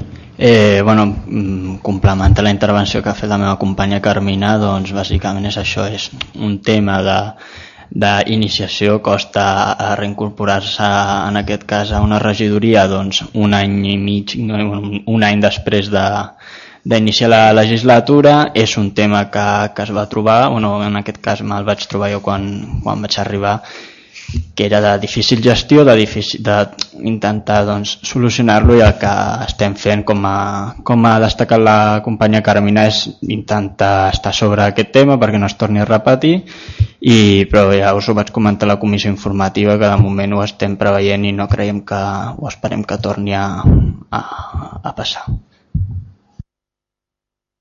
Molt bé, gràcies, eh, senyor Pérez. Eh, abans de parlar del tema de, de l'Hospital General de Catalunya, eh, contestar el tema de l'aeroport, eh, parlarem sobre ferm, eh, el tema de, de, que queda pendent dels aterratges nocturns, eh, cap problema, perquè segurament just aquesta puntualització se'ns deu haver passat en tota l'explicació que us hem enviat, cap problema en, en traslladar-la, fins i tot a traslladar-la a la resta de, de grups perquè també tingueu la, la, la informació com també us traslladarem per escrit tota l'altra informació eh, que, que ens requeriu d'alguna manera, també perquè, per exemple, per posar un exemple, el tema de l'impacte acústic ja sabeu que és una de les qüestions que estan en vies de tornar a, a, a repetir, a, a actualitzar i que més que no tinguem les dades doncs, eh, no, no podem dir massa més que el que hi ha fins ara. La resta de qüestions les passarem eh, per escrit o, o ens podem trobar, no hi ha cap tipus de problema. I el que sí que penso que és un avanç i que això ja, ja es pot dir perquè és enferm el conseller eh, ens eh, notifica que una de les peticions d'aquella reunió que nosaltres vam tenir juntament amb, amb l'alcaldessa la, de Sant Quirze i l'alcaldessa de, de Badia del Vallès, eh, un requeriment era que es tornés a posar en marxa aquesta comissió de seguiment que s'havia quedat parada l'any 2009 i que eh, enteníem que era una comissió de seguiment enriquidora perquè no només hi havia la vessant política sinó també les associacions de veïns dels diferents eh, municipis i per tant eh, ens en alegrem que, que hagin tingut a bé doncs, que aquesta comissió es torni a posar en marxa i que entre tots doncs, eh, anem fent funcionar aquesta comissió. I respecte a l'Hospital General de Catalunya, si vols fer un previ, eh, senyor Díaz. Perdoneu, sí, no, bàsicament és això, de dir que com a Junts sí que, sí que entenem que hi ha uns precedents, de fet aquí avui estem parlant de coses històriques i aquí hi ha gent asseguda que, doncs, que baixava a Cerdanyola, entre ells el, el PP, no? i altres persones que avui estan a recuperem, però també gent que està Junts per Barberà, diguéssim que anaven a les assemblees de la coordinadora en defensa de la sanitat pública ja fa molts anys, en defensa de l'hospital que s'ha comentat, anomenat Ernest Lluc. Eh, és això, però que sí que és això, hi ha uns precedents, hi ha uns posicionaments polítics, que en aquests, en aquests precedents i posicionaments polítics jo entenc que ens hem, de, ens hem de mantenir per ara, perquè com a govern, i suposo que la resta de representants tant d'Esquerra Republicana com de la plataforma, el que us hem de dir és que això no és una cosa que haguem discutit fins i tot ni dins de Junts per Barberà, però dic que hi ha uns precedents de, de, de posicionaments i que sobretot és cautela, vull dir, és un anunci que molts l'hem llegit per la premsa eh, i és cautela, vull dir, perquè sigui l'Ernest Lluc o sigui doncs ara aquesta recompra, perquè diguéssim que no, que estem pensant en un hospital general de Catalunya que diguéssim que ja està sobradament pagat, abans parlaven de les autopistes, pues, pues no ho sé, vull dir, i això és això, cautela, hi ha una reunió convocada a nivell de Consell Comarcal i que és això, també hi ha un tema per la ciutat de Barberà que, que serà una cosa a discutir, vull dir, es faci en el projecte original de l'Ernest Lluc o es faci en, aquest, en el tema de l'Hospital General, el tema que parlàvem abans de l'accessibilitat, vull dir, és que es faci on es faci, de moment, en tot el que s'està posant sobre la taula, els barbarencs i barbarenques no podrem accedir en transport públic, per dir-ho així, no ho tindrem fàcil per accedir no? i per tenir accessibilitat, vull dir, i és cautela, vull dir, cautela, però sí que és veritat que per això també des de Junts volem agafar la paraula és que hi ha uns posicionaments previs de gent que, i, i, de, i d'espais que han lluitat en defensa d'aquest hospital i que, i, que, i que estem en diferents grups polítics que avui uns estem al govern i altres a l'oposició. Gràcies. Gràcies, senyor Díaz. I per, i per afegir més informació a, a, a la que ha explicat el company eh, de l'equip de govern. Eh, jo, jo em remonto a, a aquesta setmana hi ha hagut una reunió d'alcaldes i alcaldesses eh, d'aquells municipis d'àrea d'influència del Taulí, en el Taulí, amb, el, amb la, la direcció del Taulí, on, entre d'altres temes, òbviament, eh, els alcaldes i alcaldesses vam eh, posar sobre la taula eh, la inquietud de la notícia que sortia durant aquests dies a la premsa eh, amb mi es posen en contacte i bueno, s'inicia una, una roda de contactes entre, entre alcaldes eh, i alcaldesses perquè nosaltres ens n'entarem eh, via la premsa d'aquesta informació. Llavors eh, fins i tot s'anomena o, o anomena el conseller que ha parlat amb alguns alcaldes i aquests alcaldes en concret se senten malament perquè diuen és que nosaltres no teníem aquesta informació. Per tant, nosaltres eh, hem, hem dit cautela amb aquest tema eh, i fruit d'aquestes converses eh, decidim que a través del Consell Comarcal eh, amb, amb el seu president en representació de tots els alcaldes i alcaldesses del Vallès Occidental eh, se li envia una carta al conseller dient que, sisplau, nosaltres volem informació al respecte perquè no sabem res més que el que tots sabeu que ha sortit a la premsa. Eh, aquesta reunió tindrà lloc divendres a dos quarts de quatre de la tarda a, a la seu del Consell Comarcal i esperem tenir més informació al respecte. Òbviament, totes aquestes inquietuds que a tots, a tot el consistori, a la ciutadania, doncs, eh, ens venen a, al cap i al pensament i, i òbviament doncs, clar que es parlaran doncs, d'aquest projecte que tenim allà oblidat, jo crec, de l'Ernest Lluc, alguna cosa sí hi ha pagada de projectes però allà oblidat doncs òbviament es posarà al damunt de la taula com temes de transport des de, des de Barberà fins a l'Hospital General de, de Catalunya si és que en algun moment esdevé públic, però jo demanaria màxima precaució perquè no tenim més informació els alcaldes i les alcaldesses que el que ha sortit a la premsa. I per tant se'ns demana també des del Consell Comarcal doncs, precaució i entenc que, que és, és el que és, és la, és el, eh, el més acurat que podem fer. Eh, de seguida que tinguem alguna informació més al respecte, òbviament que sereu eh, informats, però com que no tenim informació mm, més fidedigna que el que es troba a la premsa, jo mm, o sigui, demanar posicionaments en aquest sentit penso que seria una mica arriscat i el que és prudent doncs, és esperar aviam què ens diuen a la reunió de divendres i a partir d'aquí, doncs, òbviament, defensar el que considerem que és més bo pels ciutadans i ciutadanes del nostre municipi, que per això estem aquí eh, els 21 representants eh, polítics.